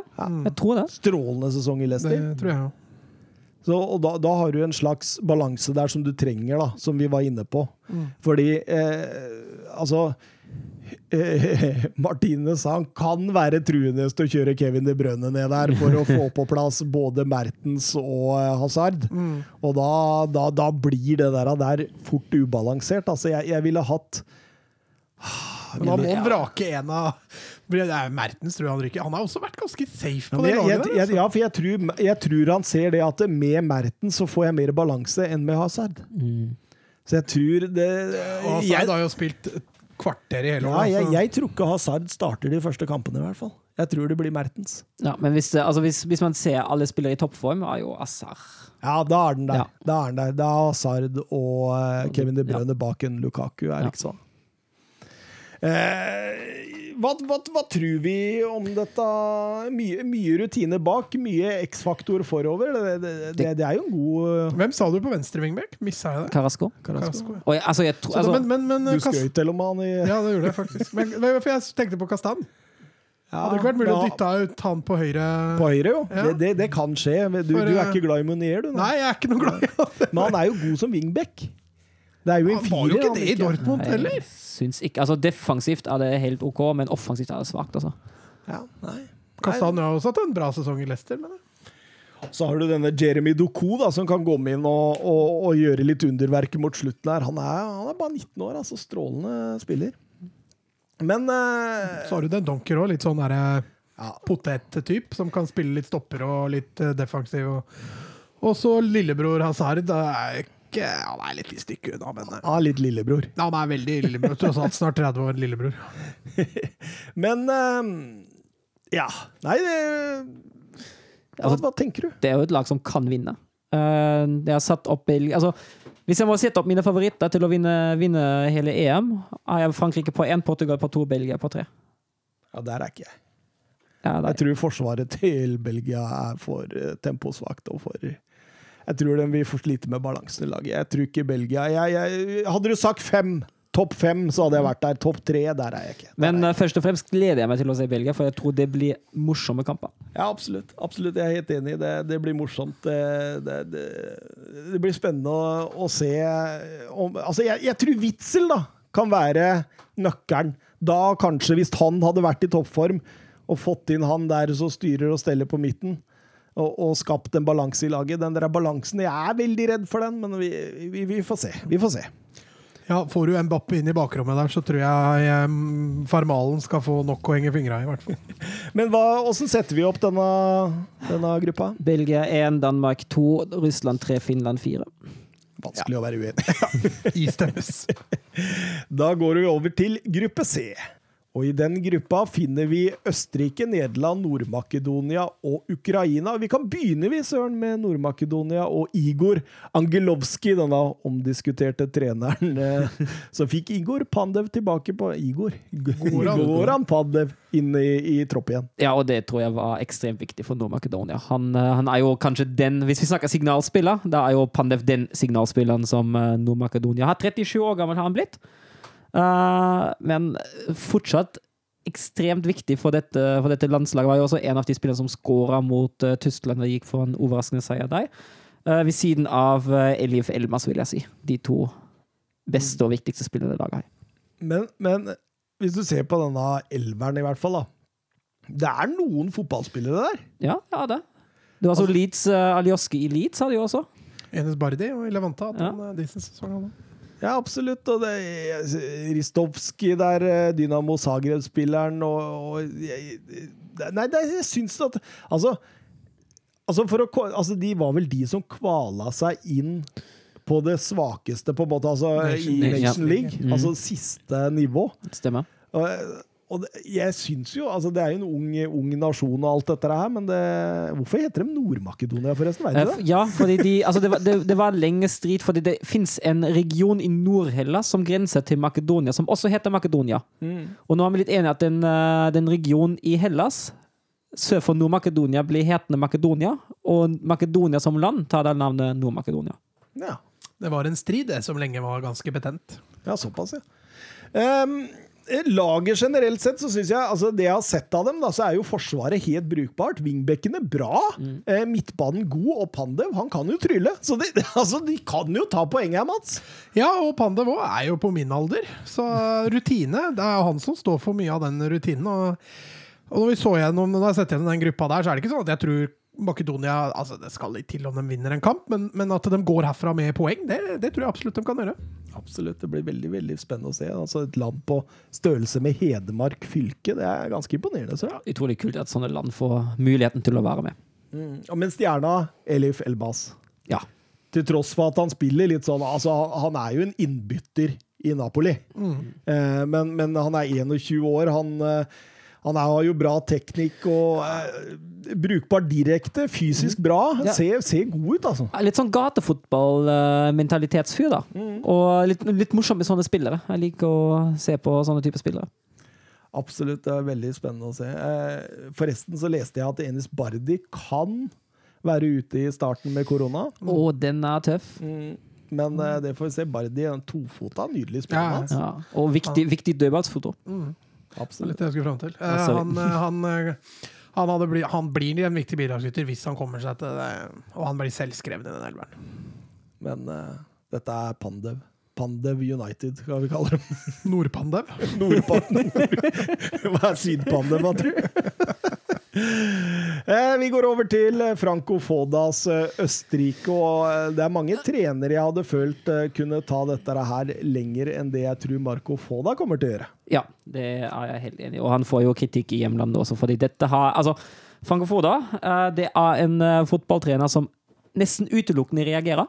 Uh, lite, lite eget spill, men reagerer på motstanderens uh, styrke og svakhet og prøver å rette seg det etter. Det ender da opp med noe ekstremt forsiktig og defensivt. Uh, Østerrike hadde jo en ekstremt god periode i 2015-2016 fram til EM. Da gikk det jo litt dårlig under, under Kolla tre- som trener. Uh, de sier, nå, de sier i Østerrike at det laget har nå, er bedre enn den 15-16-generasjonen. Men uh, det kan jo godt hende. Men de har ikke bevist det, og nivået på trenerbenken har i hvert fall falt. Men når jeg går gjennom dette laget, Søren, så tenker jeg et midt på treet Bundesliga-lag. Ja, og det er jo morsomt. De sier fordi Østerrike har jo flere spillere fra Bundesliga enn Tyskland. Ja, der ser du. Men ja, det er, det er, altså, det er jo altså, det er spillere som spiller i eh, stort sett brukbare klubber i, eh, i Bundesliga. To fra Leipzig, eh, to fra Wolfsburg, Hoffenheim, Leverkosen, Frankfurt. Det er jo Ja, Alaba i Bayern Bayern. Ja. Så det, altså, det er jo uh, brukbare spillere, definitivt. Og Marko Anatovic på topp. Ja, og han, eh, han holder koken, han. Men, men sammen med muligens Kalajic, da, for han, han, han vil kanskje spille på topp der. Ja, Kanskje kan, han eh, figurerer rett bak hvis han kjører den 4-2-3 ja, han kjører nok en 4-2-3-1, ja. Ja. Han gjør nok det. Så det blir spennende å se. Eh, Kommer Dragovic til å spille, eller er det Porsche som spiller? Den tror jeg også blir litt spennende. Jeg holder en liten knapp for, på Dragovic, med tanke på forsiktigheten til godeste Franco Foda. Men stjernene her, Mats, det er sentral med Alaba og, og Sabitzer. Utvilsomt. Eh, vi snakka litt om, om slager i Wolfsburg, at han ville få det tøft med å få spille. og det jeg vet ikke, jeg tror kanskje han er fjerdevalg òg, altså, når jeg ser den midtbanen der. Ja, er jo, altså, han, han kjemper nok mot uh, Baumgartlinger om eh, Ja, jeg tror det. Eh, og, og for Alaba og Sabitzer, som du sier, dem er selvskrevne. Og så har du også en Limer, så Nei, den, eh, den sentrallinja der, den, den er brutalt bra, faktisk. Men her er det jo kollektivet som må fungere. Ja, definitivt. Det, det kollektivet altså, Det er som du, du er inne på, Mats. En sentrallinje er bra, men så ute på kant der altså, Jeg er ikke helt sikker. Eh, veldig morsomt å se hvordan eh, den blir satt opp. Ja, altså som sagt, altså, tror jeg denne defensive inngangen med så lite eget spill eh, det kommer til å ta knekken på dem ganske tidlig Ja, altså, kampene mot Nord-Makedonia og Ukraina her for Østerrike blir jo naturlig nok eh, de avgjørende for dem. Det er must win. Eh, ja, det er must win. Ja. Ja. Hvis det skal gå I hvert fall hvis de satser på en andreplass, som kan bli veldig viktig med tanke på en åttendelsfinale. Ja, absolutt. absolutt. Jeg tror det kan bli tungt for dem, men ja. Ja. Vi kan gå over til eh, Ukraina. Og Ukraina dem ledes av kanskje mest kjente treneren av alle, omtrent, eller? Da tenker jeg på Legenden. legenden. Milan-legenden, Chelsea-fiaskoen. Andrej Tsjetsjenko. Han er jo ikke den mest kjente treneren. Nei, men mest kjente navnet. ja, ja, ja. Nei, det er enig. Altså, veldig sexy. Ja, det er jo det. Og Har- romantisk. Det er litt sånn Pirlo i Juventus, uh, Lampard i Chelsea. Ja, men han har gjort det ganske bra. Ja, jeg vet, Ja, han nå det bra i hvert fall i kvaliken. En, eh, i, I 2020 var det vel 3-1-1-kamper mot uh, Frankrike, og det er jo bra. Og så spilte de 1-1 mot både Finland og Kasakhstan, det var jo mindre bra. Problemet her, altså, hvis, vi- hvis vi går bakfra her, så er det altså eh, keeperposisjonen. Der sliter de voldsomt. Altså, Du må ha Trubin fra Sjaktar. Han er 19 år. Kommer, han er bare inne som en lærling, tror jeg. Ja, men han har, han har faktisk eh, tatt førsteplassen i Sjakta-målet. Han Han, har har- han, har, han har kasta ut Pjata fra av Sjakta-målet nå. Ja. Ja, ja, men det er ikke dårlig. Mm. Men det er vel Bushan som kommer til å spille Dynamo Kiev-keeperen. Eh, rykter om at han er veldig svak på innlegg, så Ja. det, det kan bli det, Og det, det tenker jeg, Mats. Det er litt sånn derre eh, sånn eh, østeuropeisk keeperfenomen. Å være dårlig på innlegg. Jeg synes det er så mange Og det å fange ballen, rett og ja. slett. Ja. Det er så mange som har driti seg ut fra, fra Øst, Øst-Europa. Ja. Det er mulig, det. Jeg har ikke tenkt over det før. Jeg tror det er veldig, altså, jeg tror treningsmetoden i Øst-Europa på keepere var veldig sjeldent innlegg fra kant. Det var mye reaksjon. Men jeg også tenker litt sånn om afrikanske keepere. Ja, men det, det er jeg enig i. De er litt i den samme kategorien der. ja. Jeg tenker bare på Handanovic, Danovic. det han har gjort denne sesongen i Inter. De brukte en rein firer bak den kampen jeg så eh, mot Nord-Irland. Vant 1-0. eh, En ganske kjedelig kamp, men det var én spiller jeg la merke til, og det var Vitali Mykolenko i Dynamo Kiev, en 22-åring der, venstre back. Eh, han, han imponerte meg så mye at jeg måtte begynne å lese litt om han, og da fant jeg ut at han var aktuell for både Manchester United før Solskjær fikk orden på Luke Shaw, og han er aktuell hvis AC Milan selger Theo Hernandez. Spennende. Så det, er- det, er, det er en bra spiller. Jeg syns Forsvaret så bra sammensatt ut. Eh, veldig spennende framover. Zinchenko, City-spilleren, han Ja, han er jo et av hjertes, hjertene til, til det laget sammen med Malinowski. En av de to viktigste spillerne. Og så er det Ja, Malinowski, det var han jeg skulle fram til. og Jarmolenko da. Ja. ja, men Han er en artig spiller, men han, der kan du få begge deler. Du kan få skudd i krysset fra 35. Ja, og du kan få selvmål i krysset fra Fra 42. Ja. En jeg også har latt meg imponere over, det er eh, Viktor Szygankov. eh, 23-åringen eh, som har kommet inn i miksen der. Enormt målfarlig høyrekant. Eh, lenge beskrives som den nye viden i Ukraina. Sånn bevegelig, sånn der, lett, eh, gode, beint, gode avslutninger. Og det sies at Mourinho var ute etter den i eh, Tottenham-perioden, så det kan godt hende han går til Roma etter sesongen nå, da. Eh, og så er det selvfølgelig Jaremsjuk på topp. Det er soleklare eneren i Gent. Gent, Gent er vel, det er ikke Gent. Gent stemmer. Det er Gent, Gent, ja. ja. 61 mål på 152 kamper. Han har 7 på 23 fra Ukraina. Er sånn, det er en typisk goalgetter. Det er en sånn her som står og pirker dem inn fra to og tre og fire meter. Det er veldig artig å se på. Eh, vant kvalikgruppa si foran Portugal og Serbia. Ja, det er jo sterkt. Det, det tyder på Ja, det er ikke noe å kimse av dette heller, altså. Det er ikke det, så det blir veldig Men igjen, da, denne startelveren er bra. Og så blir det bredden som, eh, som kan bli utfordrende. Ja, absolutt. Absolutt. Og som du har vært inne på keeperplassen, der er vi ikke Nei, den, den, Først så mange matchvinnerredninger de får bakerst, altså. Absolutt.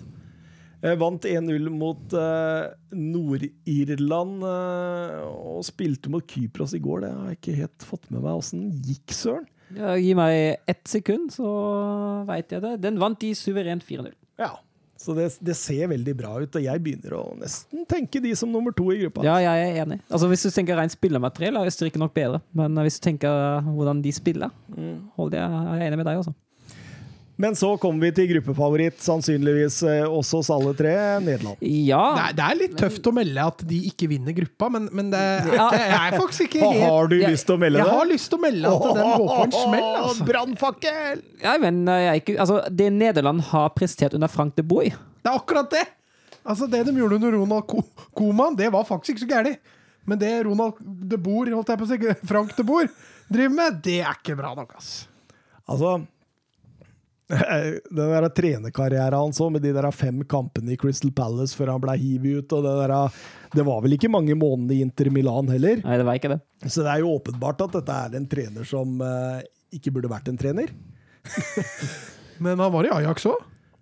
Ja, og der gikk det ganske Der gikk greit. det ganske ja, bra. Stemmer, stemmer det. Eh, men eh, hvem skal stå i mål? Ja, det er jo et av de, av de store spørsmålene. Du har jo Stekke Elenborg, som er reservekeeperen i, uh, i eh, Ajax. Du har Krohl, som er reservekeeperen i, uh, i Norwich. Og jeg tror det står mellom de to, altså. Det er trist. Ja, det er veldig trist for Nederland uh, sin del. Og det er en av grunnene til at det går an å melde at Nederland får det tøft, altså sammen med, med mangelen av van Dijk. Og da kaste inn Frank de Boer inn. Jeg, jeg, jeg melder dem ikke en, jeg, faktisk, nå. Men det, det, det, er- litt usikkert om han kommer til å kjøre en treer bak eller en firer bak. Ja, de har, men altså mest har de jo kjørt en 4-3-3 eller en 4-2-3, en innimellom en 3-5-2. Mm. jeg- altså, hvis jeg får sier pistolen mot hodet, da tipper jeg en firer bak. Dumfrey på høyre og eh, på venstre, og så De Frey og, og de likt eh, stoppere, da? Eller? Mm. Men det ryktes jo at han skal kjøre han Daily Blindt. Det ryktes også Ja, han at han skal kjøre Davy Clasen, så dette er her Ja, det, det ryktes sterkt at, skal, at David Clasen skal være tieren. Faktisk. Hvis vi Ja, det- 4-2-3-1. Snart har jeg Ukraina på topp. Ja, det er bra jeg meldte før deg. Men, men, men midtbanen er sexy. Ja, altså med Frank, eh, Frank de Jong, holdt jeg på å si. Med, Nå går det ikke går det fort. Frenkie, Frenkie de Jong i seg sjøl er, er jo en bidragsyter her, og denne Coop Miner skal også bli eh, da som sittende, selvfølgelig. Jeg tror kanskje ikke han får spille så mye, men Altså eh, boks-til-boks-type. Artig å se på. Martin de Ron kan jo gå inn og ta en jobb der. Gigi Vinaldum Ja. vil jo få en jobb der. Riven Graven, Rian Gravenberg som stortalent. Ja, så, og så, så blei jo van de Bake skada. Han har lyskeskade, så han måtte ut. Så da klarte vi faktisk å gå glipp av å ha Davy Clasen 1-0 og 2-0 på banen samtidig. Og det er litt synd. Da- Davy og Donny Clasen Wout Vegårs tatt ut. Tror du han får sjansen, Søren? Nei, men han uh, fikk skåra sitt første landslagsmål mot uh, fotballstormakten Georgia. Hvem er det man skal se til offensivt her da? Nei, Det blir vel fort Luke de Jong, eh, men det er klart Donald Malen hadde vært veldig artig å få sett. Uh, Er jo et kjempetalent. Så eh, det hadde vært gøy å, gøy å få testa han også. Han, han er kanskje i mitt hode i hvert fall den mest sexy spissen av de tre, sånn i forhold til uh, potensialet. Og Depay kommer til å ligge rundt spissen. Ja, jeg tror også. Ja. Depay, som jeg tror kan få et godt Ja, men han er jo vært strålende i Lyon. Han har også vært god på landslaget. Men jeg, jeg er litt, altså, når jeg går gjennom dette nederlandslaget, så er det sånn der å, Finner de ikke noe bedre enn Krohl og Stecklenburg? Van Dijk er ute med skade, eller ja, han sa i hvert fall at jeg tar ikke sjansen. Eh, en stor blow, selvfølgelig. Eh, Frank de Boer som trener. Og, det, og laguttakene er ofte litt merkelige. Troppene. Jeg tenker Sven Båtmann, hvor er du? Steven Bergwijn, hvor er du? Hans Hateborg, hvor er du? Ja. Mayram Boadou, Ja. hvor er du? Og det fikk jo Verås også merke en god stund, altså. Ja, ja. Og, og Calvin Stengs også. Aset uh, Alkmaar Ja. sin nydelige uh, unggutt der. Pascal Stroik i, i, i Leeds kan gå inn og ta en jobb. Altså, Hva gjør Blind, Klasen og Berghuis på det laget der? Jeg fatter ikke! Det er noe som er riv ruskende gærent her. Jeg er helt enig. Det er, eh, det er noen som mangler her. Ja, hva er det Frank de Boer ser som ingen andre ser? Nei. Det lurer jeg på. Og det, jeg tror Frank de Boer kommer til å koste et godt mesterskap for Nederland. Men jeg Nå tror de, de må jo ta seg videre. Altså, De har jo en generasjon nå som faktisk kunne ha gjort det veldig bra. Eh, med unntak av keeperplassen, selvfølgelig. Eh, og da utelate Du hadde jo det stortalentet ditt også. Hva het han igjen på Åh, Som spiller på PSV. Ja, ja, ja, ja du, du, du tenker på du tenker Ikke på Taboni, men han andre som spiller på andrekanten. Oi, oi, oi, oi, oi. Han som har hatt en bra sesong. Marokkansk eh, Ja, ja, ja. i hattaren. I hattaren, ja! Ja. Wolfsburg er interessert i ham. Er de det, eller? Mm, jeg, vil, jeg vil ha han. Det hadde vært en klassesignering. Ja. Altså, jeg skjønner at han har vært litt uprøvd og, og litt for ung for dette mesterskapet, men eh, da hadde det vært noe mer sexy offensivt. Da. Altså, David Klassen, det, altså, det er jo slitsomt. Det er, det, er, det er veldig slitsomt. Og, og eh, skal vi våge oss på Ukraina nummer én, eller? Er Bare for moro? Jeg er med på det, Ikke altså. for moro. Jeg gjør det dønn seriøst, det. Men Nederland får to, eller? Ja, Østerrike tre og Nord-Makedonia fire. Er du enig, Mats? Du vil ha Nederland? Nei, det er greit, vi kjører Nederland nummer to. Men jeg, jeg- hvis Nederland skulle vise seg å bli nummer tre, da da, da får du ti poeng. Men altså, problemet er jo altså Østerrike imponerer jo ikke heller med hvordan de spiller, da. Nei, men det gjør Nord-Makedonia. Vi har Nord-Makedonia på to, da. For, forutsetningene der er veldig små, ikke sant? Det er det som er greia. Og med det går vi til gruppe D. Og i den gruppa finner vi eh, England, Kroatia, Skottland og Tsjekkia. Og eh, ja En av mesterskapsfavorittene, eller søren? England. Ja. Jeg sa jo det sist at jeg England har en fantastisk topp, men jeg er ikke helt overbevist over Gareth Southgate også, som trener. Det er, altså, det er, det er på trenerbenken den største svakheten til England sitter, mener jeg. Og det er jo det som også diskuteres i England eh, hele veien angående Southgate. Noen mener han er litt kjedelig, og, og andre mener han er vågal og tøff og bruker masse unggutter og våger det der. Fordi er det noe Saltgate er tøff på, Mats, så er det jo å bruke masse unggutter. Ja, det ser du også i troppen han har tatt ut. Eh, altså Nå fikk de jo lov å ha med 26 spillere da, til dette EM-et, så det, det hjelper kanskje litt. Men, men at Jude Bellingham plutselig bare var der inne der, eh, tøft gjort å gjøre. Eh, så jeg, jeg syns ikke Southgate skal ha det over seg, i hvert fall. At han ikke tør. Nei. Så er det jo som Men, Søren men, sier, men at eh, ja, eh, Søren, kjør litt Southgate. Eh, Rant. rant. Nei, jeg skal ikke rante. Uh, Du jeg bare- hater Southgate. Jeg hater ingen. Uh, nei, altså Men jeg tenker altså det, Jeg er enig med Mats, han eh, kjører på, men altså, det, det med kjedelig Det går jo gjerne litt på, på det angrepsspillet. Uh, det Southgate jo absolutt skal ha cred for, eh, av de innstuderte, salige dødballsvariantene. Det er han helt konge på. Uh, det har vi jo sett under VM 2018 også, de dødballene England har slått der og har spilt der. Det er helt nydelig. det hjalp jo bare at Harry Kane ikke slo dem.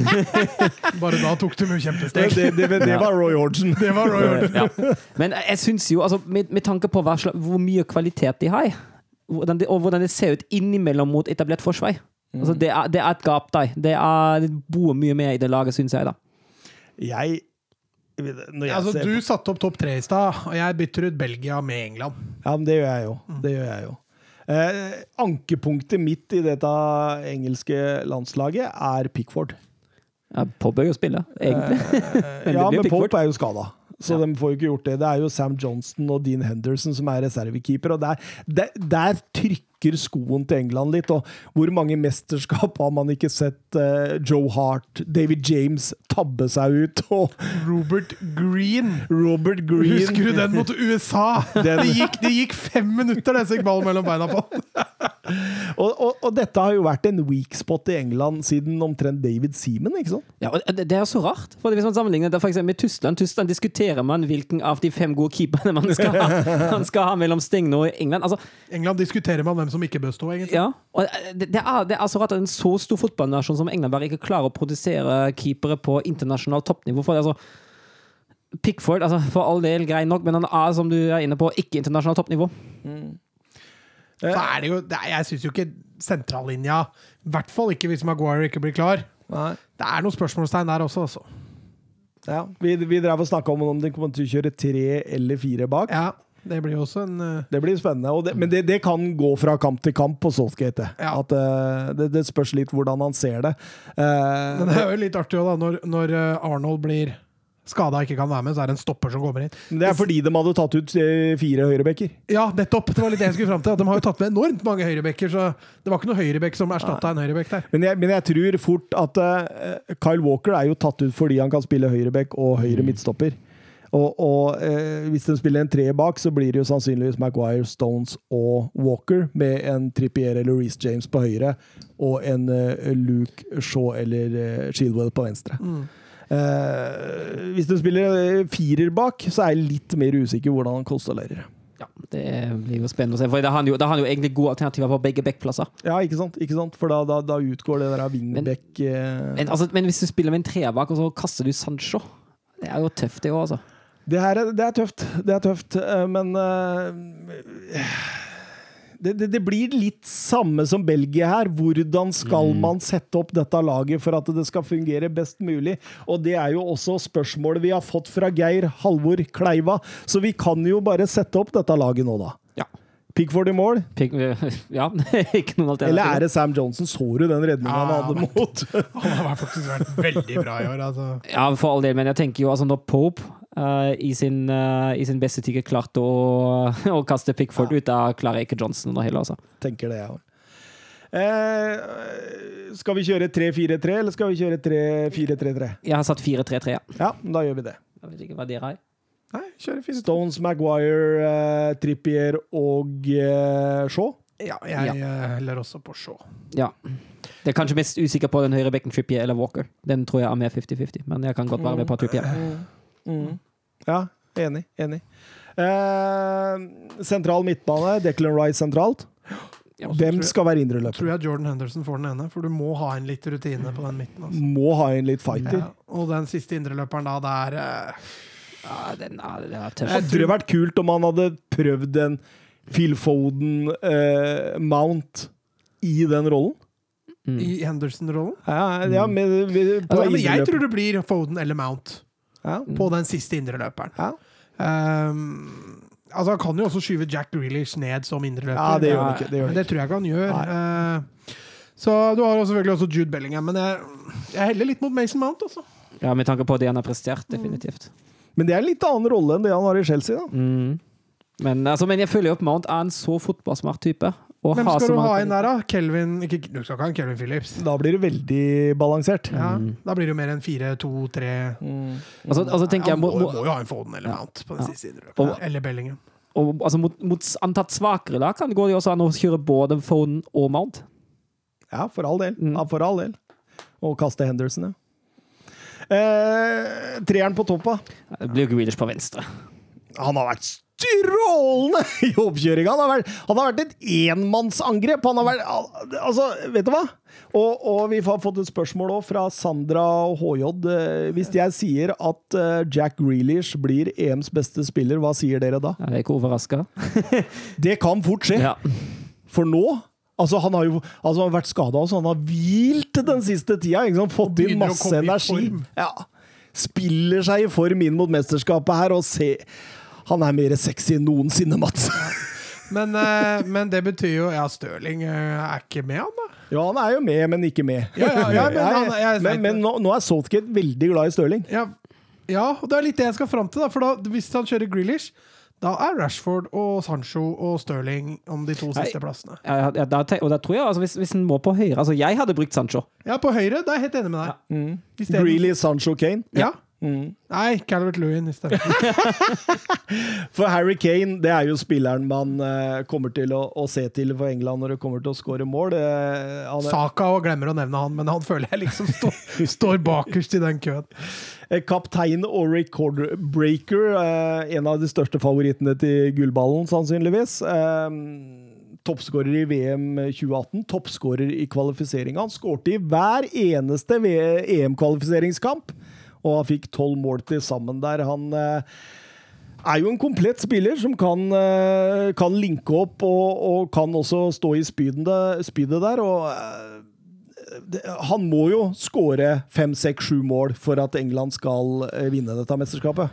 Ja, Hvis ikke så må en av de andre kantene ha et vanvittig mesterskap. Så snakker vi om Grealish, men han er jo ikke målskåreren. Så da må han jo fòre enten Kane eller motsatt kant. Og det Nei, Kane er selvfølgelig Han blir jo helt vital hvis England skal Calvert Lewin har en litt utakknemlig oppgave der, altså. En svak kamp mot Østerrike, 1-0. Det var veldig seig. eh, Bakaya Sako, Saka som skårte kampens eneste mål. Kampen mot Romania var vesentlig mye bedre. Der hadde de vel eh, et straffebom og to-tre-tre stykker i treverket, i hvert fall. Så, eh, så, så den så bra ut. Hvordan gikk det? Eh, De vant 1-0. Ja, ok. Eh, Rashford på straffe. Ja.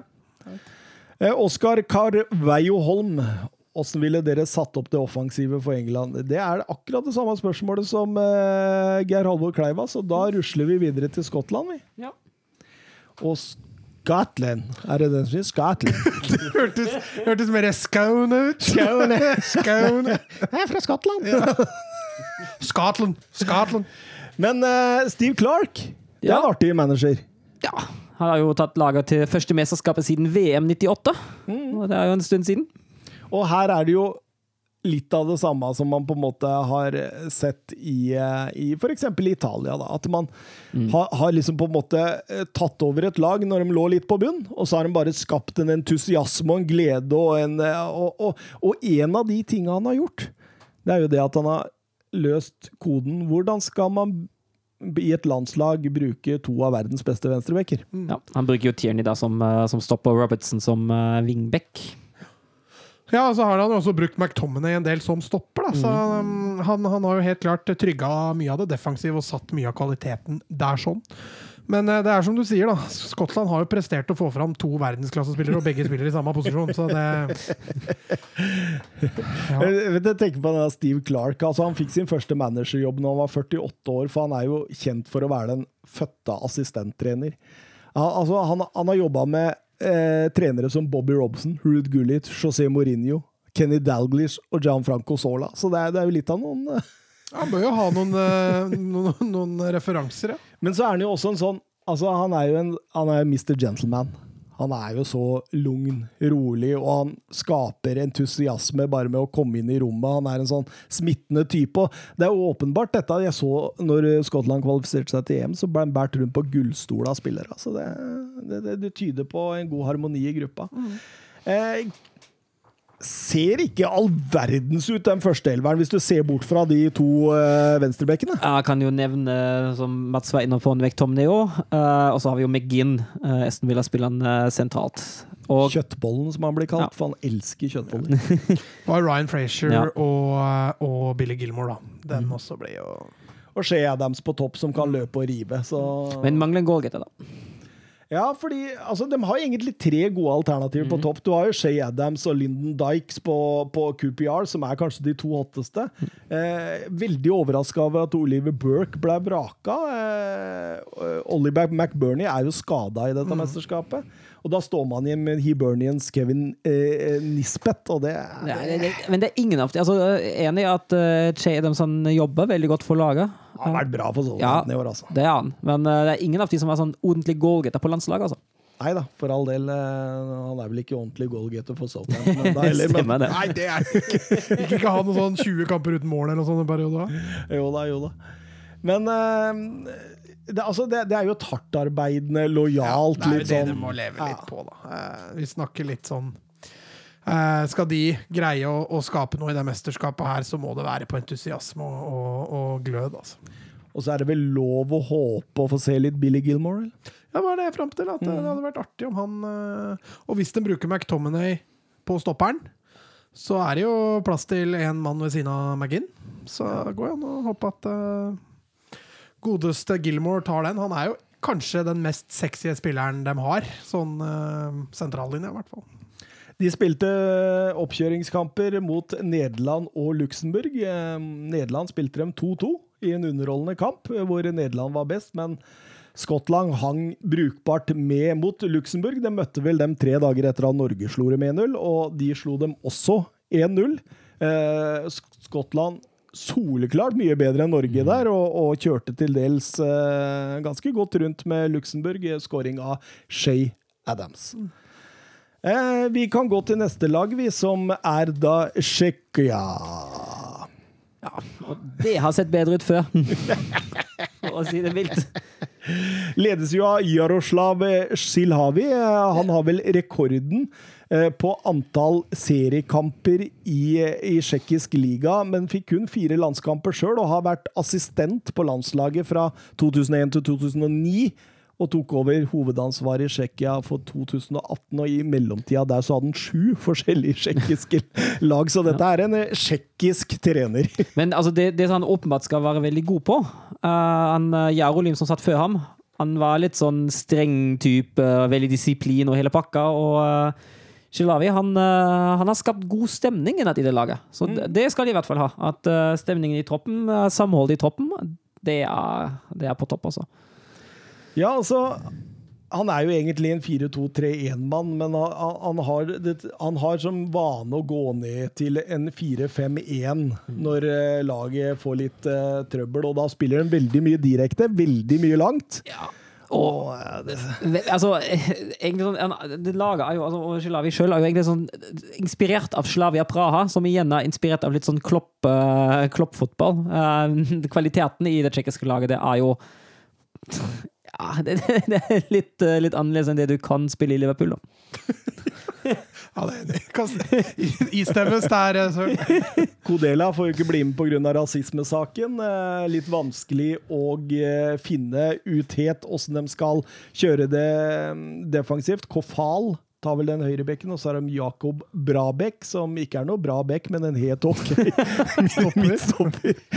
så vi, vi får se hva som, hva som rører seg der, men det er jo Sosjek man ser til. Ja, det er jo den store stjerna og Tsjekkias viktigste spiller.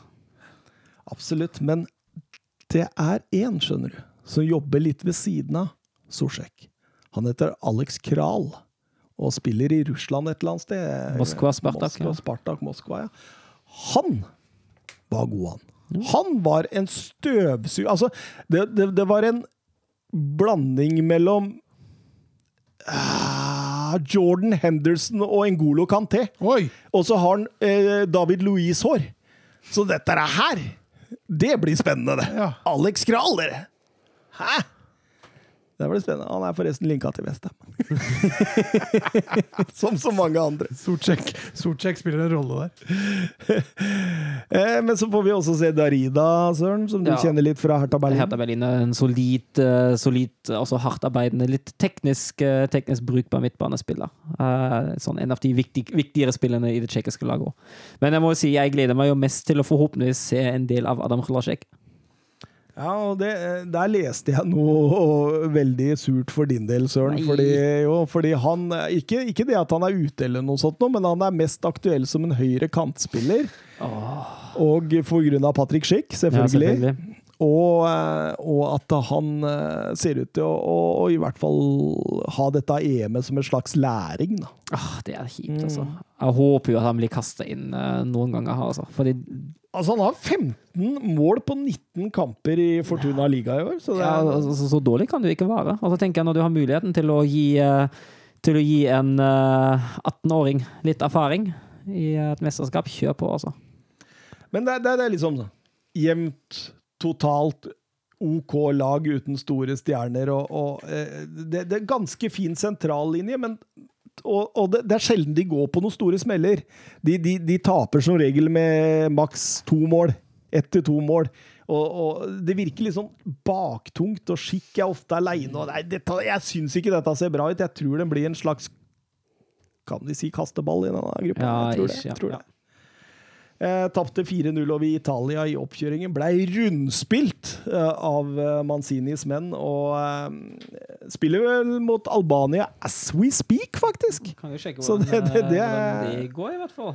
Ja, den er vel, den er vel kanskje ikke Jeg veit ikke når han starta. Står det 1-1 etter en time. Ja. Så det Det ser ikke bra ut, altså.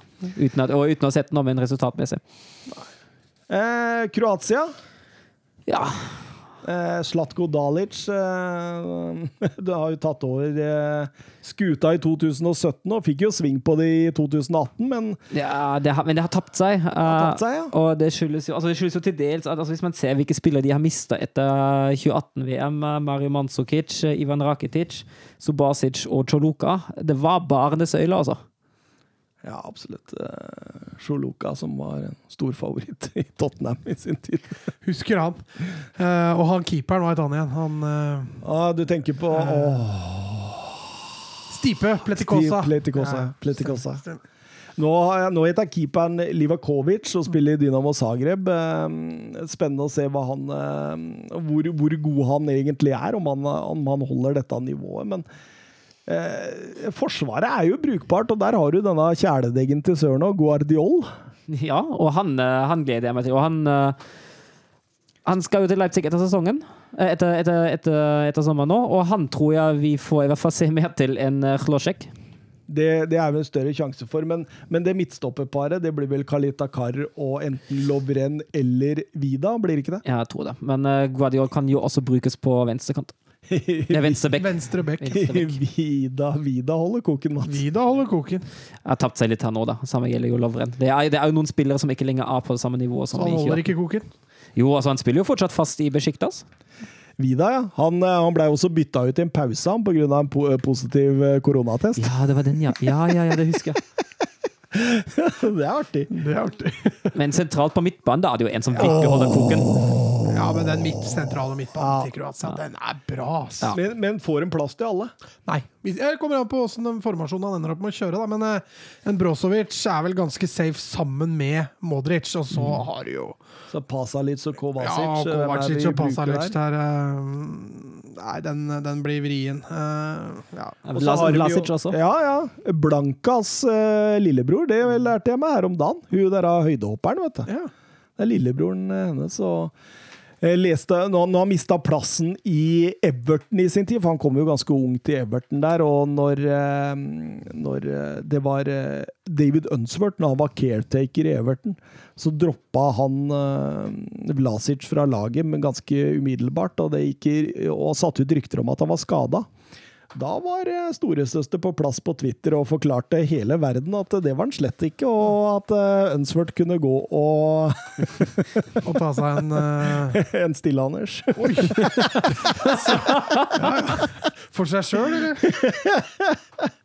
Men, men eh, midtbanen det ser jo nydelig ut. Du kan se, og, og kantene der med Perisic og Rebic. Og det, det det, ser bra ut der. Er Brekkalo får han ikke spille, han. er- Jo, han kan fort spille. Han kan fort. Altså, han har jo fått en god del spilletid i det kroatiske landslaget nå eh, siden, eh, siden han debuterte.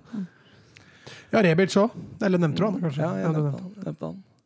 Eh, angrepsmessig, hvem skal de bruke? Skal de bruke gjennombruddssisi Kramaric, eller skal de bruke tunge Ante Bodimir? De skal bruke Kramaric, håper jeg. Krysser håper jeg fingra for, i hvert fall. Bodimir Bodimir er interessant, han òg, men han dytter du inn når du trenger, eh, trenger litt power. Enten på å holde på en ledelse hvor du må holde litt på kula, eller en, eh, hvor du trenger et mål og kan dunke fram noen langballer. Jeg håper også å se Kramaric. Kul spiller.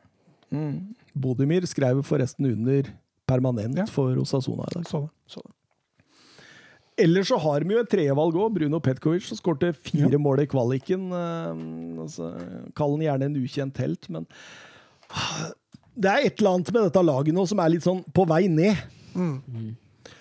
Og, og det må stole veldig på eh, midtstopperparet, spesielt Kaleta Kar, da, som, eh, som er egentlig en Red Bull-skoletype, Søren. Kom fra Salzburg i sin tid, det Ja. merka jeg her under researchen min. Uh, Syns han bare blir bedre og bedre. En skikkelig god duellspiller. Var aktuell for Liverpool eh, hvis de ikke hadde henta Konaté. Spennende.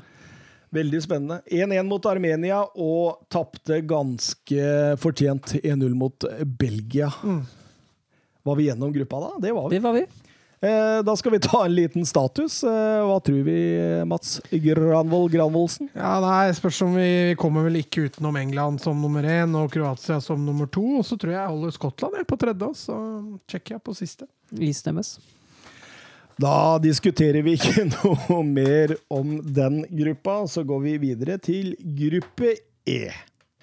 Og i den gruppa finner vi Spania, Sverige, Polen og Slovakia. Og vi begynner med det siste sist. Holdt jeg på siste først, blir det. Slovakia. Eh, Tarkovic, trener der som eh, Ja, han fikk vel jobben uh, rett før EM. Ja, oktober 2020. Da ble uh, Hapal uh, erstatta. Uh, det Rett før playoff-finalen. Jepp, fordi han Mm. eh, de, eh, Det var vel Var det Nord-Irland de slo så vidt på straffa? Ja, og da fikk, eh, da fikk forbundet nok og kasta ham og ansatte Tarkovic, som også var assistent fra 2013 til eh, 2018. og han tok dem til EM, og så har de eh, variert noe voldsomt. Altså for eksempel, de har ikke klart å slå Kypros eller Malta, men de har vunnet 2-1 mot Russland, eksempel. Så det er litt, eh, litt variasjon i prestasjonene. liker å sette opp laget i en 4-1-4-1 og gi spillere stor kunstnerisk frihet. Han har jo sagt at, eh, at eh, spillere på banen har større forutsetninger for å vite hva som må gjøres enn en trener på benken. Og det, det må sies å være ganske kontroversielt av en trener. Ja, det er jo altså, det er litt sånn tankegang som kanskje var sånn aktuell på 90-tallet, tenker jeg. Ja. Det er litt sånn, det er litt sånn der man spilte Er det også litt Marit Breivik? Ja, det var over Marit Det er Breivik. faktisk hakket verre, ja. Ja. Her, er vi, her er vi med på at, eh, vet du hva, spillere, jeg står og ser på, setter ut, tar ut laget, og så får dere jeg, jeg, jeg husker det Heia Slovakia! Heia, heia! det var Felix Magath i Wolfsburg da han han vant uh, gull. Jeg hadde jo intervju med noen av Gullspinnen etterpå. så Gentner og sjefen var på venstresida. Og så spurte de meg at du, hvordan, uh, hvordan, ønsker du at vi forsvarer? Og han bare det finner dere ut av. Ja, det er litt sånn, det er sånn, litt sånn, sånn tankegangen der. Det eh, er Stefan Tarkovic. Ja, men det er litt sånn gammeldags, da. Ja, det er, det er deilig. Det er deilig at vi har den type trener òg. Sånn husker jeg Frank Rijkaard var litt i Barca òg. Mm. Uttalte flere ganger at nei offensivt, så skal dere få styre og stelle sånn dere vil. Ja, greit når du har Messi. Eller hadde ja, han Messi? Han hadde ikke Messi som ja, Ronaldinho, Ronaldinho og Samuel Ronaldo, 2 men én positiv ting for Slovakia. De har fått Martin Dubravka spilleklar. Og det blir ekstremt viktig for Slovakia, tror jeg. Ja, han blir ikke arbeidsledig. Nei. Det tror jeg ikke. Slitt voldsomt med skader. Har vært tilbake i oppkjøringene, og det, han var strålende allerede mot Østerrike i 0-0 der på søndag. Så det, det, det ser meget bra ut. Jeg har jo også Rodak, eh, keeperen som eh, var med å rykke opp med Fulham til Premier League, men som blei funnet og veid for lett i Premier League midtveis i sesongen, og Areola tok over den jobben. Eh, man har jo også en, eh, en eh, skrinjar. Og sam, samme Hamshik, sammen kanskje den store stjerna på det laget der. Mm. Nei, ikke kanskje. Det er sammen Hamshik, den store stjerna på det laget der. Hvis du ikke trekker med Laslo Benes, da, som Nei, jeg, jeg gjør ikke det. Men det, det, det, det finnes perioder hvor jeg syns Laslo Benes har vært bra. Ja, og det er jeg helt enig i. Laslo Benes er en spiller som, eh, som svinger noe voldsomt. Men eh, toppnivået hans det hadde ingenting å si på. Problemet er at toppnivået kommer veldig sjelden. Eller for sjelden, i hvert fall. Men Mats, når du ser på dette, du ser gjennom denne troppen her, hva, hva, hva tenker du? Nei, jeg tenker jo det er litt tynt offensivt. Defensivt så ser jeg det at eh, Slovakia kan, eh, kan hamste ham, ja, hva skal vi si, hamse greit opp, da. Men, men offensivt så altså de, er- Dette er også avhengig av å være i mye kriging eh, for å klare å komme seg videre. Lobotka kan fort bli viktig hvis han får, eh, får litt spilletid. og Offensivt så er det vel Bosnik som må, må avgjøre det sammen med Benes. Håper han har litt off- eller on-dager. eh. Bosnik eh, fra Feinor, 21 år, eh, stor og sterk boksspiller. Han eh, kikka litt på han. Det er ikke noe falsk nier, altså. Det er, der er det nesa fram og full rulle inn i boks. Det er en ekte nier. Ja, det, det, det, er en ekte nier. Det er, han tar så plass, og han går i duellen. Han hadde bare seks mål i æresdivisjonen, men han gir jo plass til mange, mange flere mål. En, en, en artig type, egentlig. Det blir spennende å se. Han ble henta allerede som 18-åring til eh, Feinor. Uh, men ah, de har Thomas Suslov òg, denne Groningen-kanten, som jeg tror eh, kan bli god. Bare to tror det er 2002-modell han er. Så det, Det er helt det riktig. my, mye å gå på. Og så du, da. Mm. Du, da? Du, da. Du, da. Også, også du, da, Thomas. Ja, jeg. Offensiv midtbanespiller i Köln, ja. Hva, tid. hva tenker du om han, da? Nei, han er en, eh, en Han var god i, det er han som var i Norwich. Ja, det stemmer. Ja, og han var jo også i altså. Hertha Berlin, og Hertha Berlin ville jo ikke ha ham lenger, men uh, han er jo en, uh, en spiller på decent Bundesliga-nivå, vil jeg si. Definitivt.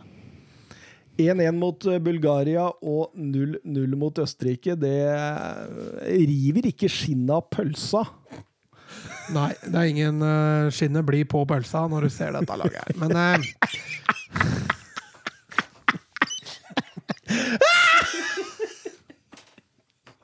Det er det verste jeg har hørt!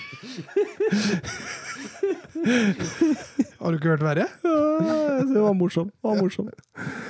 Ja, nei, um, det er nok en Dette her blir nok laget som fort vekk kjemper i bånn, Ja, var det det jeg skulle fram til. Ja. ja. Eh, hva med Polen, da? Hva tenker vi om de? Nei, hvis vi var inne på at uh, Slovakia hadde bytta trener, så kan vi jo si det samme om Polen. Enda seinere, faktisk. Da var det Brzezic som fikk uh, fyken i januar, eller ble erstattet i januar med uh, Paulo Sosa. Grunnen til det var at uh, Brzezic spilte for, for defensiv og for forsiktig, og det ville ikke Polen ha noe av. Og da kom, uh, kom Paulo Sosa inn, og ble det mer offensivt, i hvert fall med en gang. Ja, det, det, det er Dortmund og Juventus, mm -hmm. Paulo også. Artig type, det der, der altså. Eh, Men nå ble Milik skada, hørte jeg du sa. Ja, Milik uh, ble skada i dag, meldt skada i dag, går glipp av EM etter det jeg har men han hadde vært innbytter uansett. Ja, altså, han, hadde ikke, han hadde ikke tatt plassen til Lewandowski. det, Nei. men han hadde kanskje spilt rundt Lewandowski, eventuelt. Har, har det kommet ut hvem som erstatter han, da? Nei, ikke som vi har sett, i hvert fall. Ja, for, han- for han spiller jo en sånn 3-4-3, og jeg, jeg, jeg, kan ikke, jeg kan ikke se Milik ut på en høyrekant eller en venstrekant. Jeg kan ikke. ikke. gjøre det, altså. Men, uh... Så jeg veit ikke hvor mye han Men, men bra keepertrio. ja, i form. Men Chesney har vel uh... Det er vel han som kommer til å stå, eller? Hvis ikke han mister plassen til Fabianski. Ja, Fabianski er jo Ja, ja, bedre. Han er jo faktisk bedre. Ja. Eh, Skorupski, eh, trekeeper. Eh, Bologna-keeperen. Det er jo en helt OK trio. Du har et stopperpar eller en trio der med Bendarek, som er den nye vinen i, i, i Polen, og Kamil Glik, som er den gamle vinen i Polen. Glik er fortsatt veldig viktig for det laget der. Så blir det spennende å se hvem som er den tredje mann bak der. Det kan være Helik, det kan være Pjotowski, men uh, vanskelig å si. Vanskelig å si åssen han setter opp dette her, altså. Eh, midtbanen eh, ser jo egentlig ganske bra ut, med Linetti og Klitsch og Krykoviak. Og Krykoviak som Husker du han da han var i Sevilla? Ja, jeg husker han var enormt god. Jeg syns det var rart. Men den fikk vel en god Gikk ikke han til PSG? Jo, han gikk til Så han fikk jo en ganske god slump penger for, og nå gjør han det vel ganske bra i Russland, etter hva jeg har skjønt. Så En liten eh, stopptur innom VBA, bare for ja. Eh, men eh, nei, altså med han og, og, og Klisj på midten der, det, det er bra, det, altså. Zelenskyj litt framme der, som kan Jeg det- syns det, det Den er ikke så dum. Nei, det er et godt lag, det. Og så har vi da kongen av polsk fotball, kongen av europeisk fotball denne sesongen, Robert Lewandowski. Han har jo aldri vært bedre. Nei, det er jeg helt enig i. Han blir bare bedre og bedre jo eldre han blir om dagen. Altså. Og Modric. og hvis, han, eh, hvis de får satt ham i gang, hvis de får satt den opp riktig, da kan det bli gøy for Polen. Ja, for han kommer jo ikke til å få like mye og like store sjanser her som når han spiller for Bayern. Nei, altså, jeg så litt på tall. Han har 66 mål på 118 kamper for Polen. Det er, det er sterkt. Det er, det er veldig bra. Og så har han i kvaliken, i, altså i kvalik VM og EM, så har han 43 mål på 50 kamper. Det er også Det er ekstremt sterkt. Men så, sluttspillet, Mm. har han to på 11. Ja, og han trenger vel Han trenger vel to til for å bli eh, Polens uh, rekordmålskårer i sluttspill noensinne. Det sier vi. Akkurat nå er det vel uh, tidligere Dortmund- og Wolfsburg-spiller Jakob Kruba Blasjikowski som står med tre mål, og som er Polens mestskårende i mesterskap. Ja. I, i, I EM, i hvert fall. Ikke i VM. Ikke Fordi i, i VM var det vel uh, en på 70-tallet, Lato Leto, som uh, Lato Leto. Lato Leto. Lato eller Leto, heter han. Leto han het Lato. Husker ikke. Men uh, i EM var det i hvert fall Blasjikowski som står med flest mål, og tre. Jeg flira. Jeg leste en, eh, en liten artikkel om Lewandowski her for et par dager siden, og da leste jeg at han dro på ferie med kona si. Og så fant han ut eh, første dagen når de sto opp og sånt, at han skulle opp og, og dra på et bakeri. Har du hørt den historien? Nei. Nei. Eh, for han er avhengig av noe sånn der bakst, holdt jeg på å si, eller noe sånn der brødmat til frokost der.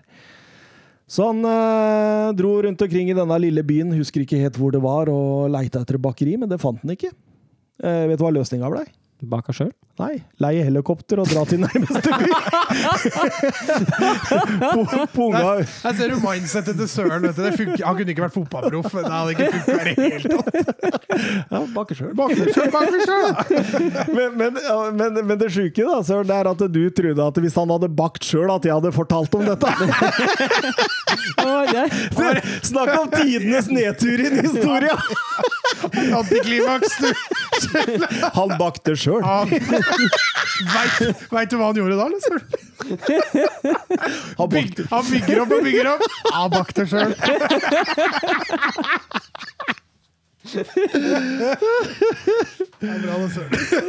men, men, men vil ikke denne, denne, disse tallene vil ikke de være litt sånn skremsel for Polen? Ja, de vil nok det. Og du skal ikke se bort fra så Lewandowski Han har hatt en lang sesong. Han er i fysisk, han er i fysisk toppform for all del, men uh, skal jeg si bort ifra at uh, lange sesonger de kan bli tøffe for de beste spillerne òg. Ja, jeg syns Polen har kvaliteter i alle ledd, og det er truende til å stjele poeng fra alle, Ja. egentlig. Men det er jo det man sier om Polen hvert år, Ja. og så skuffer de stort i mesterskap som regel.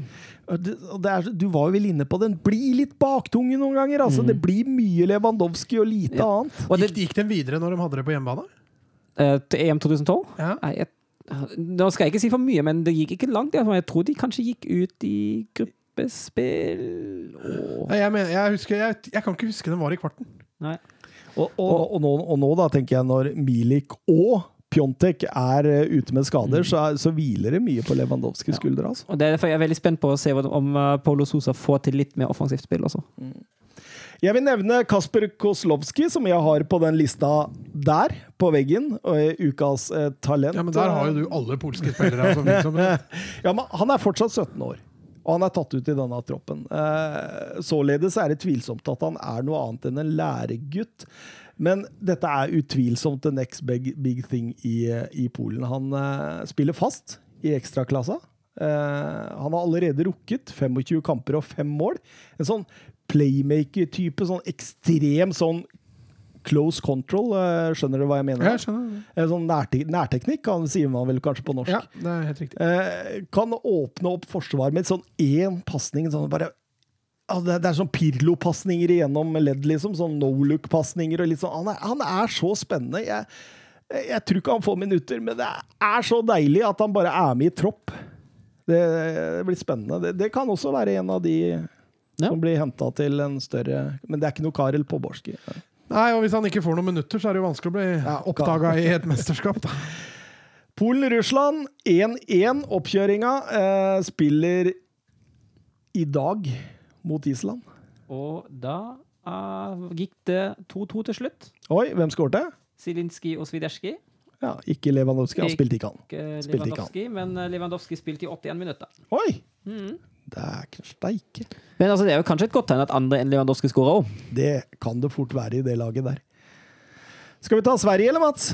Vi kan ta Sverige. vi. Søta bror. Janne Andersson. Ja, han tok over for Hamren der, og, og det ble en kvartfinale ved første forsøk. VM 2018. Det er ikke. Det er Nei. ikke gærent. Og laget har jo holdt seg eh, ganske greit. Det er Toivon som har trukket seg, og Grankvist som er skada. Ellers kan vi bruke de fleste fra det VM-et. Ja, du tenker på VM, ja. Ibrahimovic ble jo også skada. For all del, og det er en blow for all del. Ja, kjempetrist. Sånn, ikke, ikke kanskje for så mye for Sverige, for de har klart seg fint uten. ja, for all del. Men for oss som skal se på dette hjemme, så er det fryktelig trist.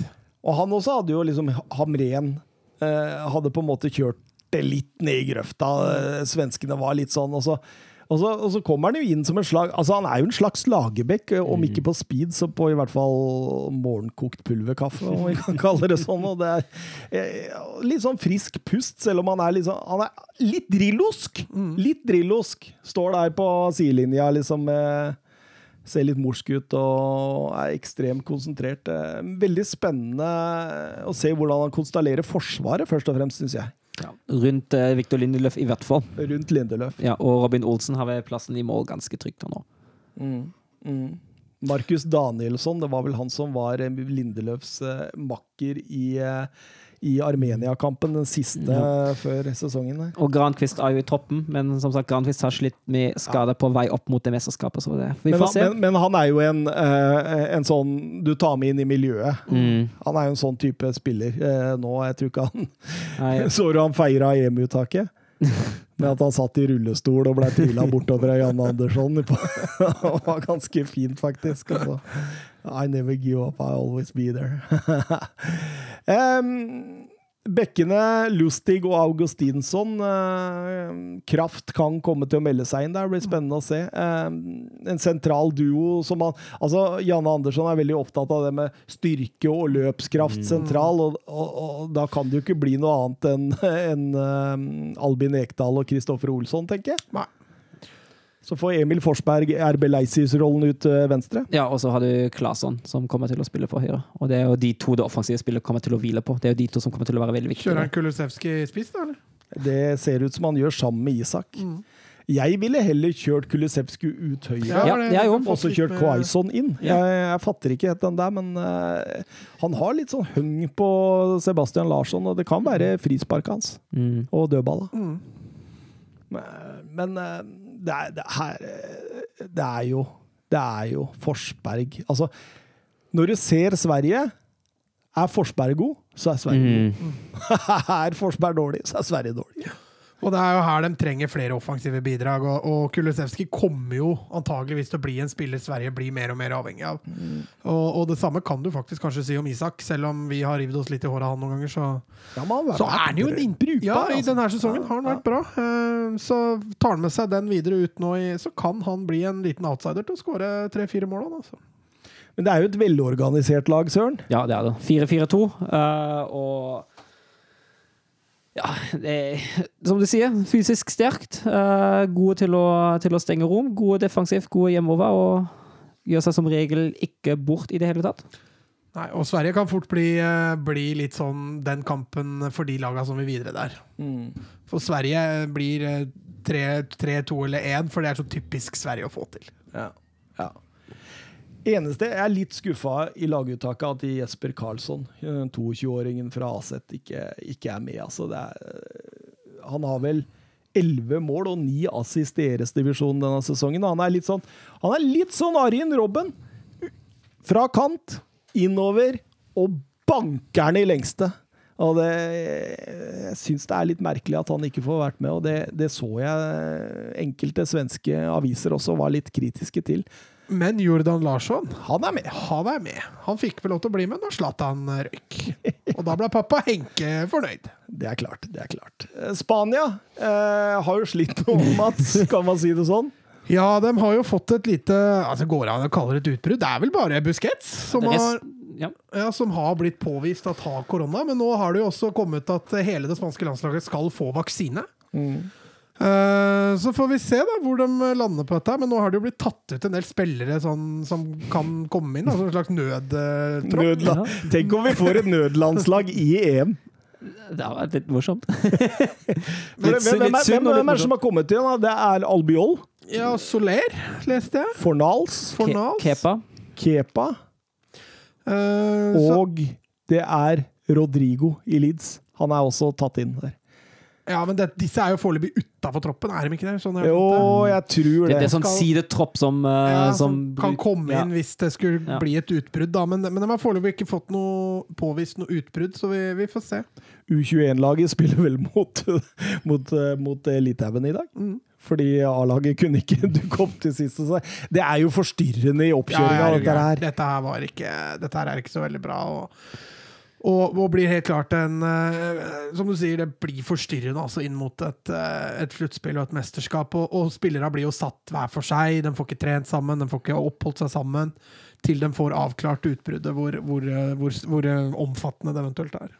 Da har vi jo egentlig svart på Didrik Tofte Nilsen på Twitter, som spør hvordan det går med Spania og covid-19. Eh, Det blir veldig spennende å se. Vi har jo ikke fått All informasjon er ikke på bordet. Nei, men det eneste vi vet nå, er at eh, resten av troppen rett og slett har testet negativt.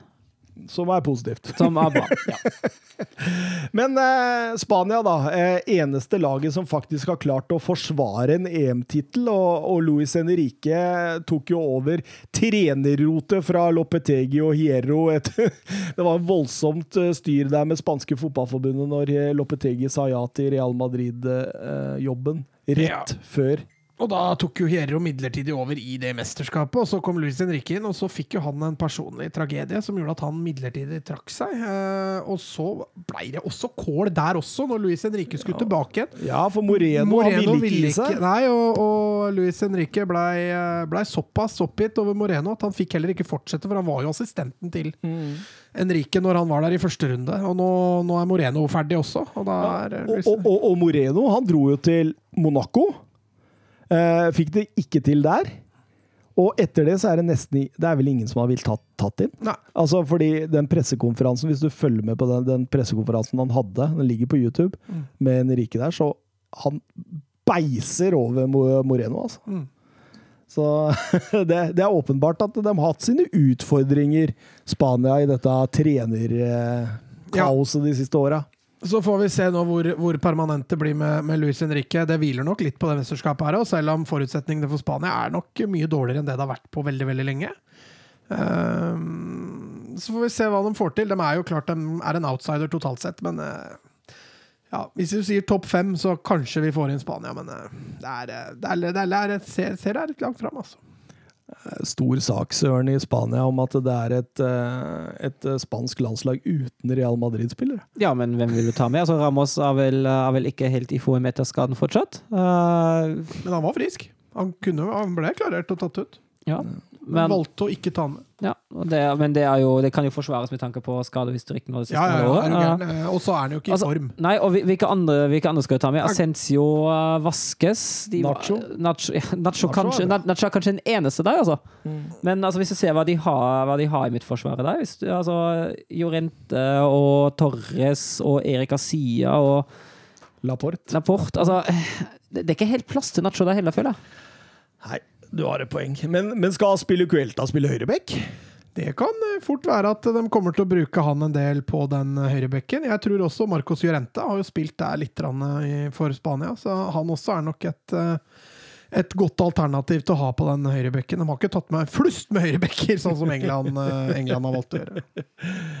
Eh, på midtbanen, åssen er det han vil konstallere dette, Mats? Nei, Nå er jo Busquets ute, da, så da tror jeg nok Rodri, eh, Rodri blir å finne der. Um, Tiago kan nok fort vekk være ganske selvskreven, og så blir det vel kanskje en liten fight altså, mellom Kåke. Marcos Llorente er nok også med i den diskusjonen. og Fabian starta siste kampen for, for Spania nå, så Daniel Olmo er vel kanskje tiltenkt mer ut på kanten, tror jeg. Pedri, da Pedri. blir, Pedri blir nok en utfordrer. Jeg tror ikke Han eh, Han kommer nok til å få spille, men uh, han er, nok- blir nok ikke en fast inventar fra start. Nei. Nei. Og Morata, er det chosen one på topp, eller? Ja, det er jo det er så flatt batteri på den niendeplassen for Spania. Eh, Morata da- Morata blir nok et, er nok kanskje det eneste ålreite valget de har som en, som en nier. Altså Moreno har jo vært strålende i år, men det er litt mer utbredt. Eh, som kan bli et eh, godt alternativ. Og Jarzabal er jo også best på kant, og det samme er Adama Traoré. Så med mindre han skal kjøre en falsk nier, så, så blir det nok Morata eller Moreno som, som bekler en av de spissrollene, tror jeg. Vet du hva, jeg, jeg sitter med en liten følelse om at Ferran Torres får et aldri så lite internasjonalt gjennombrudd. Ja, Hvem kan skulle han ha inn på høyre, da? Ja. Ja, Dama har jo vært litt skada, da, så Ja, kan hende at eh, Jeg så et bilde av han smørte musklene sine inn i babyolje for at de ikke skulle få få tak i taken. Mm. Mye muskler å ta tak i der òg, altså. Så, så vi får se. Um, så er det jo også artig med den venstrebekkplassen. da. Altså, Luis Henrique virker som har litt imot Jordi Alba, for han blir jo ikke alltid tatt ut. Og, og nå er jo Gaia også der. Jeg vet ikke, Spennende å se om Jordi Alba også få spille. Jeg synes Det er rart at, eh, at han ikke Og så keeperplassen. Den også blir interessant. Mm. Det, det er vel One Simon som har et liten Ja, Han som sto ja. forrige Han sto tre kamper på rad i forrige kvalik. Som de jo litt, da, men du har med De Gea, også han eh, fra Brighton, faktisk. Ja, Sanchez, ja. Sanchez. Men, men, men, men Omnai Simon er, han er veldig sånn der, Enten så er han eh, Manuel Neuer, eller så er han Bjarte Flem. Ja, det kan istemmes. Det. Han kan finne på å gjøre merkelige ting. Du så i forrige kamp var vel Nations, ble det Nations League, jeg husker ikke, hvor det ble et langskudd som gikk over. Da var han ute og flaksa, og så ble det Så, så det er ikke gitt at det er Onay Simon som skal stå, altså. men du, du virker veldig negativ til dette, Mats. Men jeg, jeg tror at eh, Spania fortsatt er en utfordrer. Ja, altså. Ja, men det sa jeg. ja, du sa det. Jeg sa at de er en, utfordrer, en, en outsider, sa jeg. ja, en outsider. Ja. Um, så hvis du skal nevne ja, Altså, jeg kan presse dem inn topp fem, men, men eh, ja, nei, jeg har ikke helt trua på at Spania når, eh, når, når en finale. altså. 0-0 mot eh, Portugal. Eh, U21-laget spiller jo kampen nå mot Litauen, så der får vi ikke så mye svar. Eh, veldig, veldig spennende, det. Leder 3-0, da, etter en time. Leder dem 3-0, ja? Ja, ja det, er, eh, det er heftig. hva tenker vi? Spania på 1.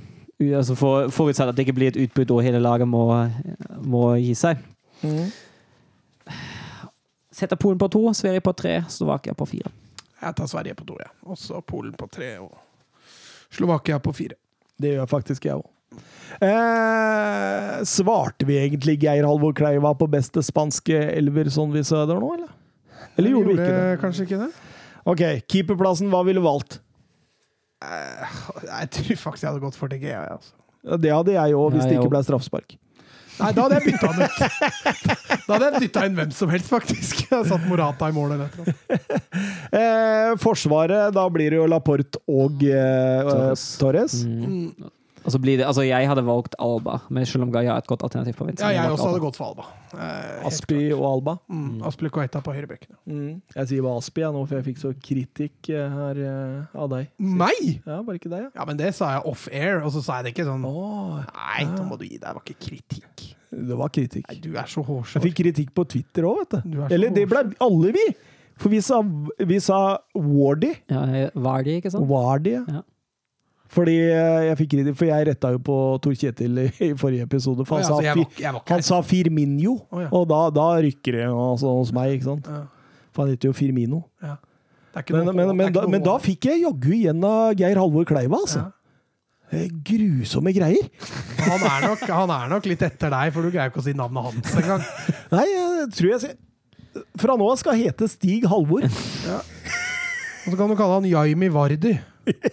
Så sier du Bare for å irritere den. Og Zinedine sidane, kan du også si. Så blir det veldig norskt over det. Men dette laget videre, da. eh, Treeren eh, der.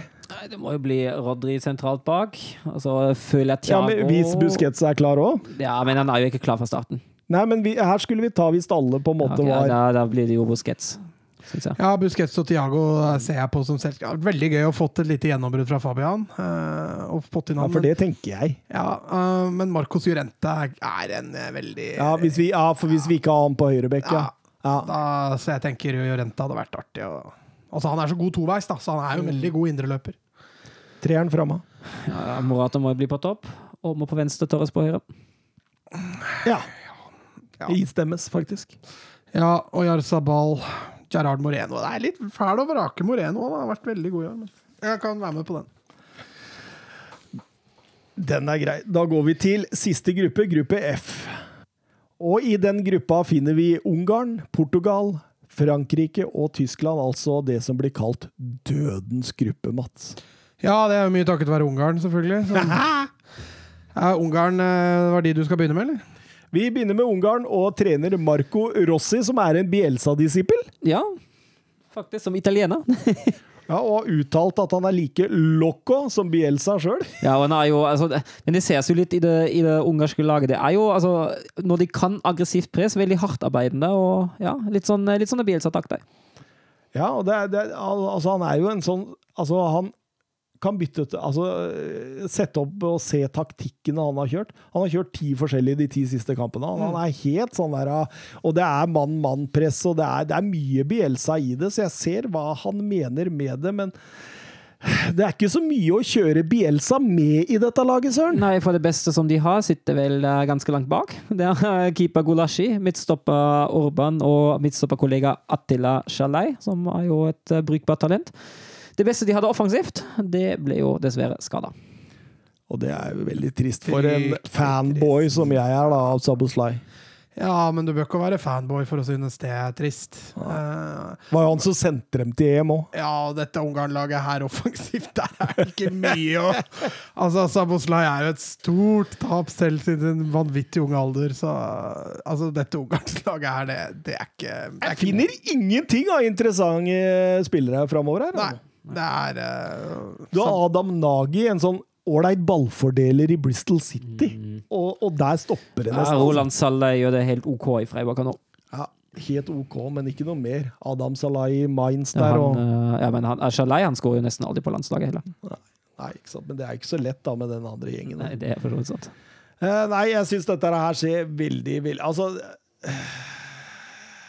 Altså, når, når jeg ser på dette, så tenker jeg at det, dette er vel det laget Hvis jeg hadde fått spørsmål hvem tror du helt sikkert ryker uansett hva? ja, ikke sant? Ja. ser den gruppa de er i tillegg. Ja, ikke sant? Så, så, så blir jo dette Det er, det er dødfødt. Vi, vi, vi kaster oss bare til Dette er dødfødt. Ja, ja. Det er jo det. Og neste er jo Portugal. Ja, og da har du det stikk motsatte. Det har jo toppspillere, og offensivt er det jo krutt. Og defensivt for så vidt til tider òg, altså. Er så fantastisk. Og Fernando Santos han, han har en jobb, for han har et luksusproblem. For han har eh, nesten dobbel dekning på hver eneste plass som er verdensklasse. Altså. Ja, vi var litt innom det. Hvis det er én posisjon hvor de, hvor de har litt utfordring, så er det jo stoppeplass. Og ikke det at Ruben Diaz er en dårlig fotballspiller, men, men bredden der er litt dårlig. Og så, Font har jo vært strålende i år! ja, og så har du PP, og det Ja. er de tre stoppera de har med. Ja. Uh, og Rui Patricio På en god dag kan han absolutt være en matchvinner, men, men på en dårlig dag så er han jo bare en decent keeper, han også. Men hvis du ser backer, midtbane, angrepsspillere, der, er det, altså, der har han en kjempejobb altså, med å konstallere dette her. Vi skal konstallere det for eh, Stig Halvor etterpå. Og for Santos! og, og for Santos etterpå, men, eh, men, men det er som dere sier, altså, det er jo gjennomsyra av kvalitet hele veien, Søren. Ja, og mye, mye kvalitet fra faktisk de beste Premier League-lagene. Bernardo Silva, Cancelo og Diaz som spiller i City, Bruno Fernandes som har utmerka seg i, uh, i United, Diogo Jota som hadde en uh, god sesong så lenge han var frisk i Liverpool. Ja, men han faller igjennom. One hit wonder. uh, I tillegg til, til selvfølgelig uh, kapteinen og den frontfiguren for Portugal, Cristiano Ronaldo. Så ble Pedro Gonsalves tatt med i tropp. Og det er morsomt. Det er morsomt. Gleder meg til å se ham, forhåpentligvis. Ja, jeg håper det òg. Jeg så han var Både han og, og eh, Bruno Fernandes var på banen samtidig mot Spania. Jeg så det, så. Ja, de, de spiller jo en form for 4-1-4-1, er det vel? Så da er det plass til to. Det, det, det går an å dytte den inn, ja. Det er ingen tvil om det. Eh, Nuno Mendes, jeg tror han vil få større problemer med å ta plassen til Guerreiro, Ja, men eh, det kan godt hende han får en sånn tredje kamp eh, når de allerede er Ja, for Tror jeg- du det blir plass til Felix, da? Ja, det er vanskelig å si. Nei, de, de, jeg vet ikke om han får tredje kamp, for de, de spiller den første kampen sin mot Ungarn. Og så blir det jo eh, Frankrike og Tyskland eh, på rekke og rad etterpå. Så det Så det kan godt hende, hvis de, hvis de slår Frankrike, da, så kan det godt hende at de roer det litt ned og Jeg vet ikke om de- Tyskland. Vin- Vinne gruppa her blir viktig. ja. ja, Fordi du får en tredje Og mest sannsynlig møter du et tredjeplass. jeg vet ikke om de har Frankrike eller Tyskland først. Det skal jeg bare si. Nei, de har, de har, de har faktisk Tyskland i kamp to og Frankrike i kamp tre. Ja, okay. Så den, Hvem er det som har Ungarn i siste kampen? det er Tyskland, tror jeg. Så de har en sånn liten buffer der. Ja, det, det, den, det trengs, ass. går etter dundas mot Frankrike og, og Portugal, så ja. Jørn Henland skriver på eh, Twitter han, eh, hvordan rangerer dere Portugal, outsider til å vinne, men også det topplaget som må kjempe hardest for å ta seg videre fra gruppen? Jeg tror de tar seg greit Jeg skjønner hva han mener, jeg skjønner hvor han vil, eh, med tanke på hva de har i gruppen sin i tillegg, men jeg rangerer Portugal over Tyskland. Så lenge de slår Ungarn, så tror jeg uansett de blir nummer tre. Mm. Det og, og, og, og da, da blir det jo Da blir det jo Er det ikke fire tredjeplasser? Jo, Jo. se, det, det, det er er stor sjanse. To tredjeplasser som ryker. Ja. Men jeg tror, jeg tror Portugal klarer å ta plass to bak Frankrike, og jeg tror også Portugal kommer langt over Portugal er blant de lagene som virkelig kan vinne. da. Du, jeg, jeg, jeg satte opp bare for moro her, så satte jeg opp en frontfirer med Felix, Bruno Fernandes, Ronaldo og André Silva eh, på topp. Og da fant jeg ut at det, i, altså, dette er kun seriekamper. I deres seriekamper har de til sammen skåra 82 mål Begynner å bli useriøst, altså.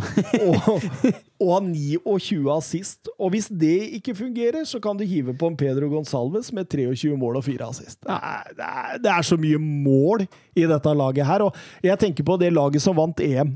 Dette laget er jo et hav bedre. Ja, det er et hav bedre. Og det Og spesielt offensivt. Ja. Ja, men det, For det var jo et Ja. Portugal Ja. tok en eneste kamp etter 90 minutter i det hjemmet. og, men det ses jo også i spillestilen. De har, altså, Fernando Santos han har jo blitt mye mer offensiv med tanke på laget han har nå. Han er jo veldig pragmatisk av seg, for all del, uh, men laget spiller mer offensiv fotball med det laget nå. Og nå kan de også spille mer offensiv fotball. Men de kjører André Silva som spiss, Jeg tror, jeg tror blir, blir vel Ronaldo, blir det ikke? Ja, det kan fort bli Ronaldo, så altså. da både Jota, Jota kant, da. Jota Kant og Silva Kant. Bernardo. Bernardo Silva. Ikke Ja. André Silva, han blir sittende på benken. Ja, han er en spiss. Han kan ikke brukes på kant noe særlig. Så da blir det Bruno inn i tieren der, og så blir det to defensive, kanskje. Danilo og Ja, det spørs hvor offensiv han vil være.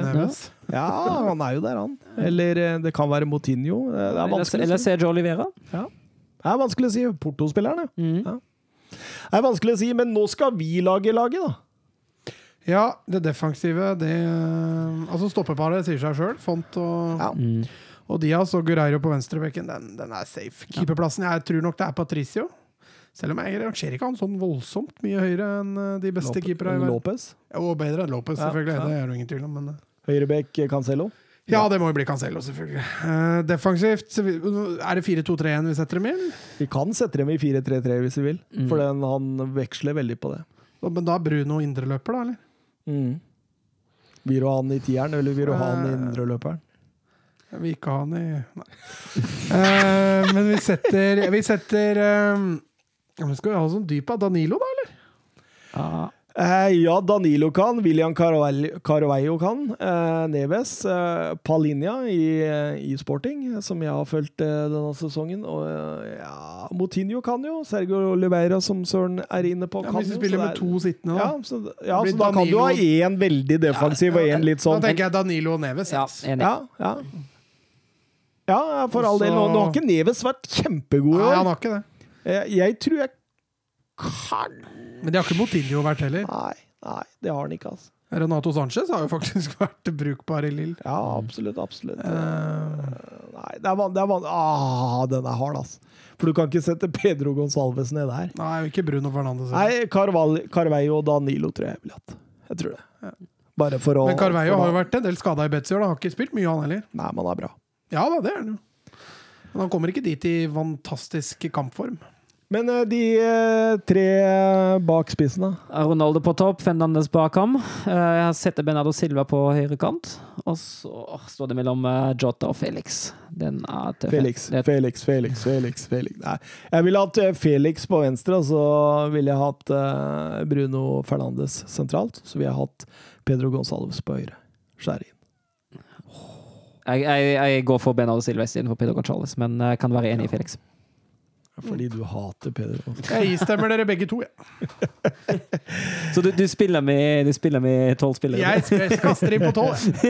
Nå skal vi over til eh, Deutschland, Deutschland. Uff da. Ja, Søren. Uff da. Har du tro? Har du tro? Definitivt ikke. Dine landsmenn skal ut og kjempe.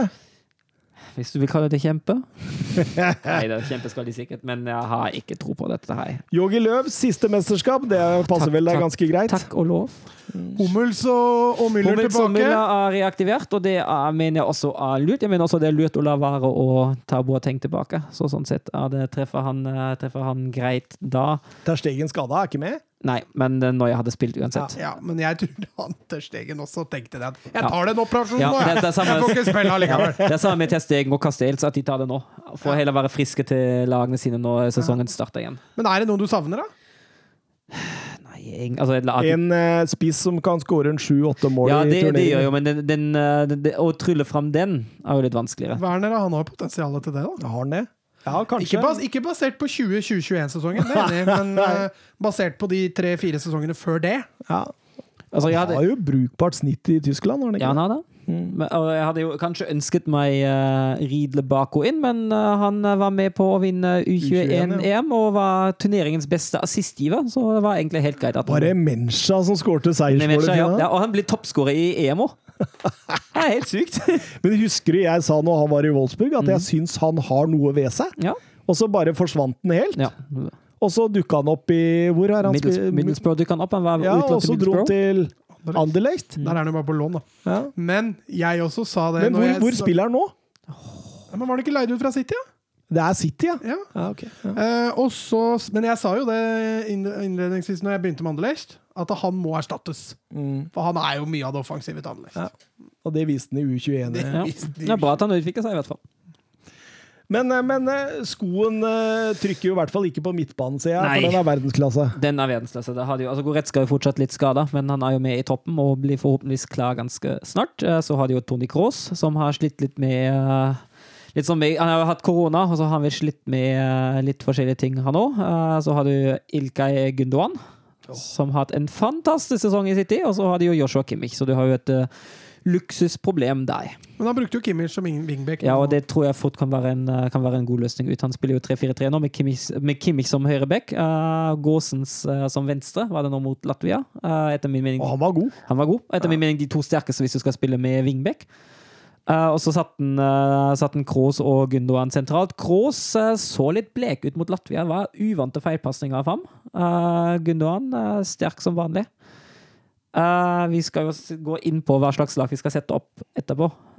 Men uh, den midtbanen, den ser bra ut. Uh, det samme gjelder egentlig også den offensive treeren. Det er litt sånn på Ja, først... Ja, utenom den der jeg- Altså, de, de har ikke den Lewandowski, den Nei. Kane, den, den Men det, det, Ronaldo. ja. det brukes jo Mulla mer som en, mer som ja, men han er jo assistkonge. Ja, han er jo det. Altså må du bare få i gang uh, Gnabry Havertz Sané rundt ham. Ja, for Gnabry har et enormt eh, gjennomsnitt på dette.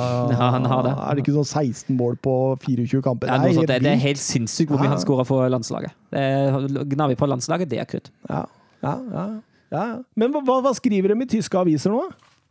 Nei, altså det, Litt så som så. Fikk jo kritikk for den Latvia-kampen. og Det var 7-1-seier, men eh, det var Det bra er, nok. det er en annen verden enn Ja, Norge. det, var, det var en del som ikke stemte da heller. Jeg var inne på Kroos, vært inne på altså Noen ting passer ikke helt sammen. Det var jo selvfølgelig en del som stemte òg.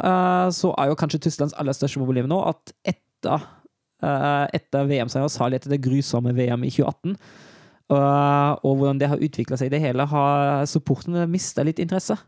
Så connection til landslaget det er ikke på det nivået som det var før VM 2014. Så man må vinne litt tilbake tillit hos supporterne. Får Kai Havertz en rolle i elveren, eller? Jeg håper det. Jeg håper Han spilte jo fast mot Latvia, Men hvor vil du ha han inn da? Jeg vil ha han, eh, ha han på offensiv høyre. Offensiv høyre. Og, og, og, og sentralt da, for du vil ha Timo Werner ut venstre. Mulla, nei, Gnabry venstre. Se Oi, så Timo er benka? Han- Ja, da, akkurat nå, da skårer jeg. Da blir han i hvert fall ikke toppskårer. Nei, da skal han få trøbbel. Altså, i hvert fall i min, i min drømmeelve. Den kommer ganske nær den, eh, den han brukte mot Latvia. Mm. han blir jo en strøken eh, supersub, da. Men så tenker jeg også, uavhengig av uh, motstander, kan vi rokere og eventuelt sette inn, sette inn Werner, skyve litt på Mulla. Men uh, Mulla i denne falske nia-rollen, den liker jeg egentlig. Syns den fungerer fint, særlig med de løpene til Gnabry og Havertz rundt. Hvem, hvor i den treeren vil du ha inn Syla? Sule sitter på benken hos Å meg. ja, det er ikke for å starte. Ja, for vi, kan, vi kan ta Stig Halvor sitt, sitt, sitt lag nå. Ja. Eh, Neuer i mål. Nå er jeg i mål. Og så har jeg Hummel sentralt i den treeren bak. Eh, veldig viktig at han er sentralt i den jeg, treeren jeg bak. ser den. Ser den. Å, nydelig pasning. Han. Ja, Så du pasningen han hadde der? det var Utside. Ja, det, er jo, det er jo helt topp. Og han har jo absolutt noe å tilføye i det laget der. Mm. Eh, og rundt ham Ginter og Rydiger. Ja, jeg er helt enig, faktisk. Ja. Og så har jeg Gåsens og Kimmich på Vingbekk, Og så har jeg, Enig. Hvis han er, Gundogan er selvskrevet, mener jeg. Hvis han er frisk og er i form, uh, Goretzka før Kroos akkurat nå. Ja. På grunn av form akkurat nå. Skal du ha Gundogan da, som litt sånn sittende, eller? Eller skal begge være indreløpere, sånn Goretzka-style? Han syns det fungerte så bra i Champions League-finalen at han vil ha han sittende. Nei, jeg, tenk, jeg tenker jo altså Goretzka og altså, Jeg tenker jo Goretzka kan ta litt mer av den defensive rollen, men det er jo at Begge to er sånn boks Ja, det er jo dem, når de det er kommer, dem, inn i, det er jo dem. kommer seint inn i boks. Ja, men jeg tenker jo at de må jo bytte litt på. Det blir jo et ansvarsfordeling, men begge to kan jo også sikre. For du Men, ser jo men den, kan den de se tysk lag med Florian Neuhaus inn eh, sentralt der for balansens skyld, eller? Jeg tror ikke det skjer. Nei? Fordi Goretzka er jo best når han får spille sammen med Kimmich. Det er han jo, men da spiller jo Kimmich på høyre. Jo, jo, men du har jo da Kroos er jo litt mer balanserende, litt mer eh, Jeg er for så vidt enig, men uh, ja, den, den er jo tøff. Og man kan jo ta det avhengig av motstander. Og kanskje er det bedre å kjøre Kroos mot eh, Portugal og Frankrike og heller Goretzka inn mot Ungarn. og sånt. Men hvorfor er Jonas Hoffmann der? Det, det kan du lure på. Musiala, den ser jeg jo. Ja, Musiala han er jo tremenningen til Løv. Men eh, Nei, Hoffmann er vel, eh, bruker han vel som en uh, kjapp kontringsspiller. Jeg tror ikke han får noen minutter. altså. Nei. Jeg tror ikke det. det er jo 26, når jeg har 26 spillere, han Ja. Og så Havertz, Müller og Gnabry på topp. Det er ja, det du vil ha. nå, ja. Liker ikke Havertz ut høyre, altså. Han er jo skeivbeint, altså. han blir jo fin å trekke inn der. Ja. Skeive- jeg sier skeivbeint. Jeg beklager altså, til alle skeivbeinte der ute. Det er venstrebeint det selvfølgelig heter. Ja. ehm, fikk et uh, Twitter-spørsmål også fra han der er godeste, han uh, tyskerkongen. Glenn Weber. Glenn Weber, ja. Eh, hvordan ser dere Tyskland sine sjanser, og hva blir nøkkelen?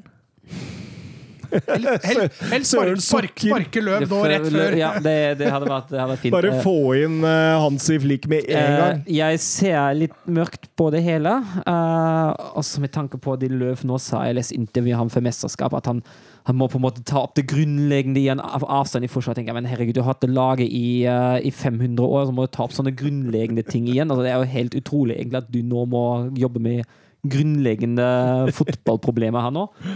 Eh, det skal ikke være sånn. Ja, det er litt seint. Uh, tror en Ja. uke før, før Eh, Det som jeg Altså, jeg har ikke tro på det. Det har er maks, maks eller maks kvartfinale. Jeg tror det er ute i åtte. Jeg tror det. Jeg tror Tyskland havner på tredjeplass, får en uh, gruppe ener og ryker sporenstraks ut av dette mesterskapet.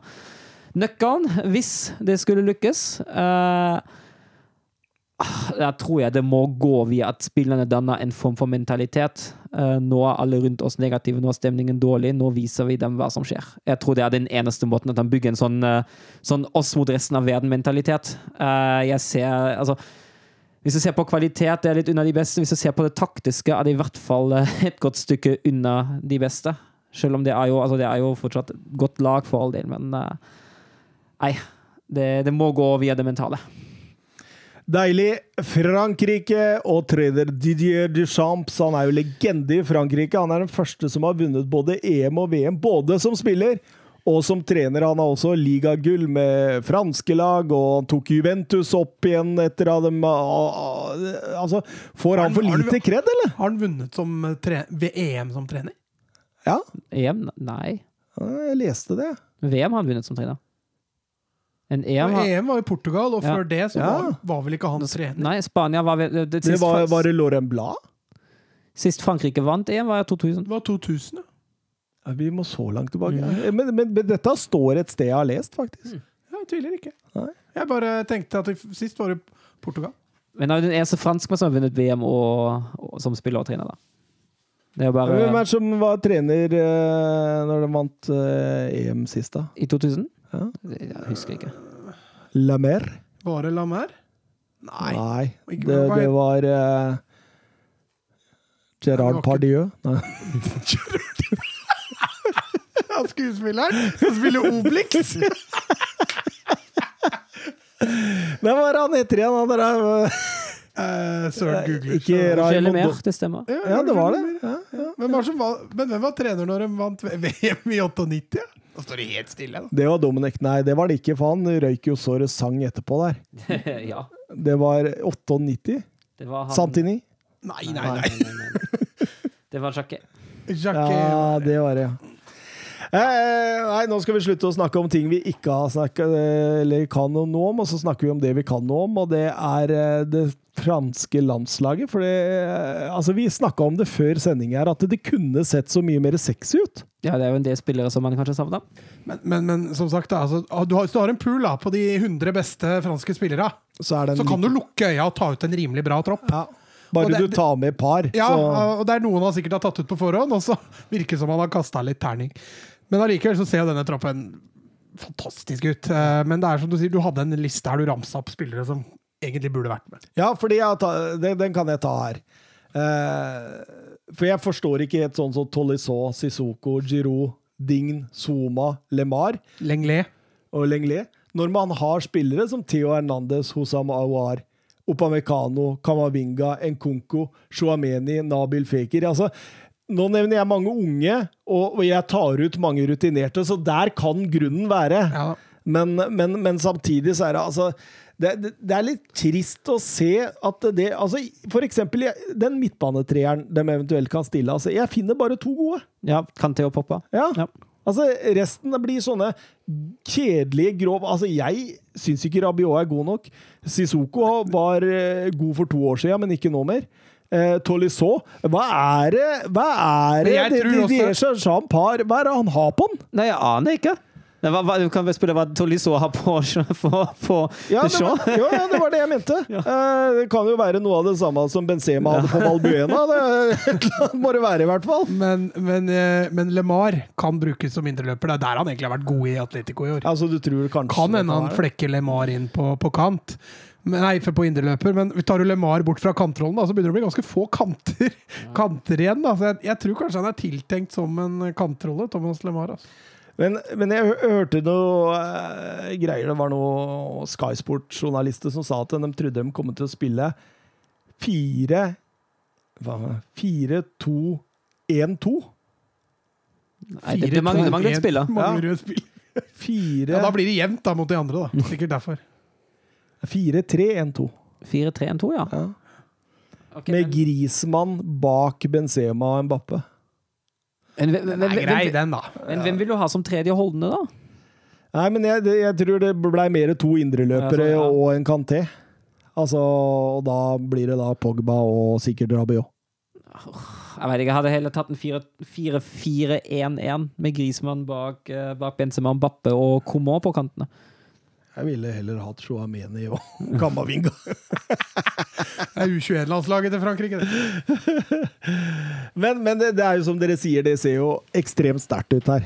Det ser jo det. Altså, keeper-trioen der, verdensklasse. Eh, Stoppere, verdensklasse. Bekker ja, ikke Det- verdensklasse. Det, det, altså Særlig på høyrebekken. Du kan jo bruke Lucas Enande som venstrebekk, og det, eh, når han er på topp, er jo, er jo topp. Ja, ja. Men Pava eller Dubois Det er der det virkelig faller litt, altså. Altså, så veit jeg ikke hvor avhengig de egentlig var av å absolutt kjøre Benzema inn. Altså, jeg veit ikke hvor mye det betyr. Men det er jo et godt valg, da. Altså, Jeg ville heller hatt Benzema enn Giro. Giroud. Og, og Ben Yedder har også Ja, vært men, men, men, men, men du, du burde ikke hatt noen av dem, tenker jeg. verken Giroud eller Benzema. Du vil ha Grismann på topp. Eller Mbappé. Eller Mbappe.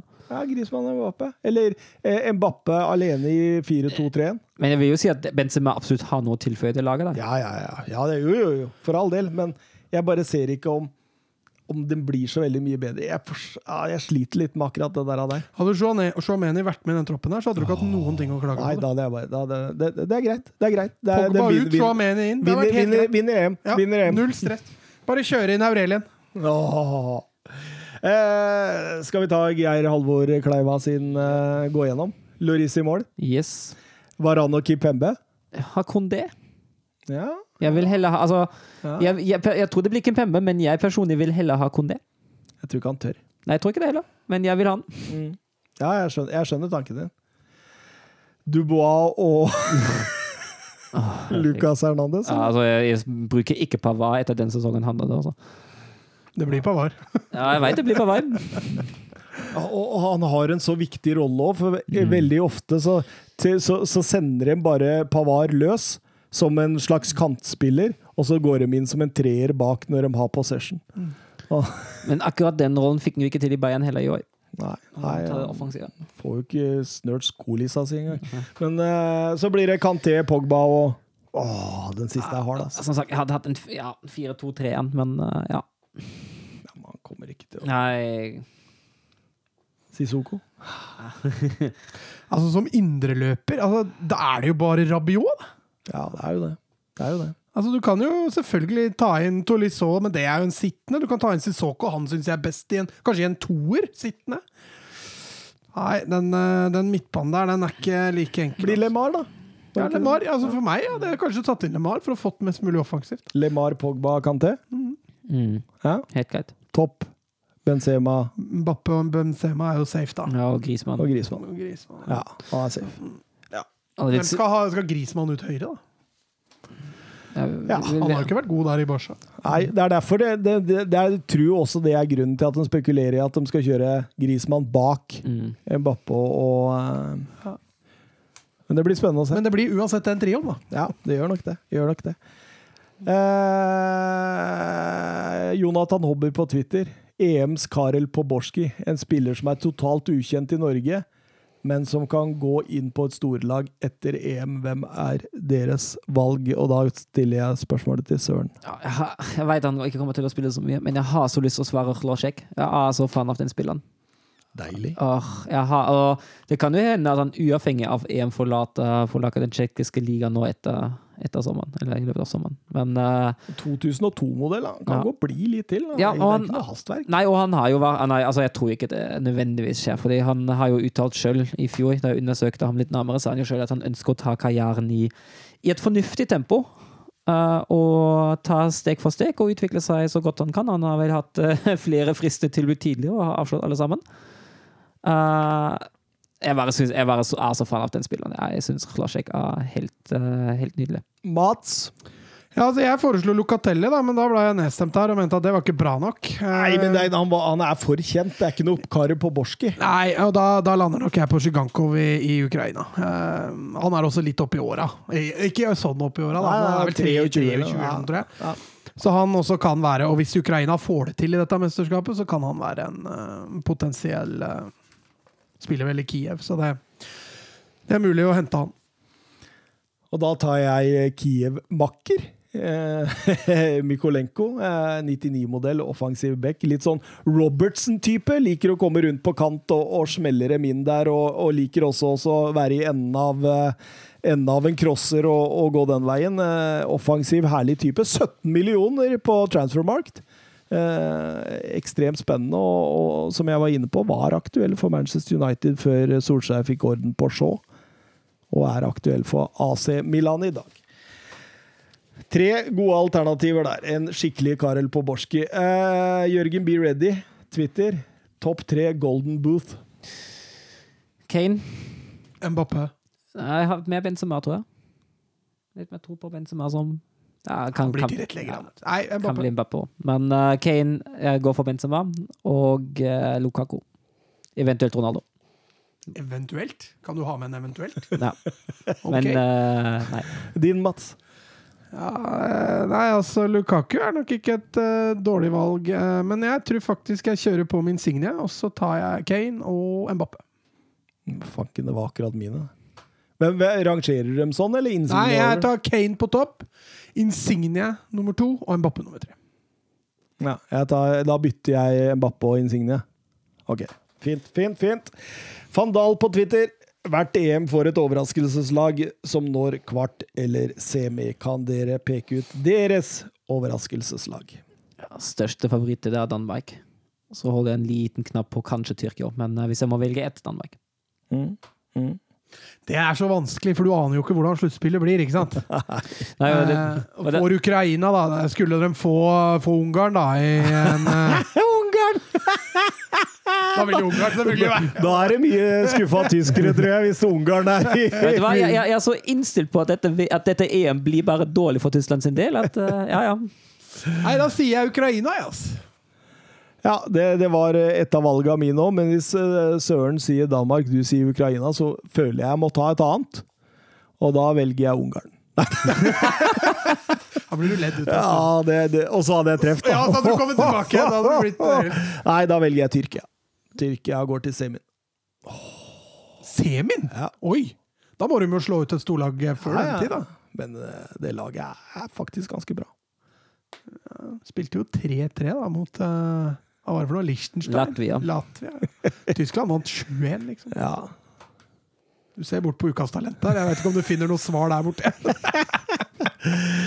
Nei, nå var vi igjennom. Nå er det bare å glede seg til EM. Åh, det gjør jeg allerede. Ja, det skal bli deilig å se Harry Kane og England eh, cruise inn, Mats. Ja, såpass, ja. Det blir å cruise òg, faktisk. Blir det å cruise? Blir det å cruise? Vi sier eh, takk og adjø og ses eh, neste gang. Eller høres. På gjenhør. Ha det. Ha det. Messi surging forward with real menace here.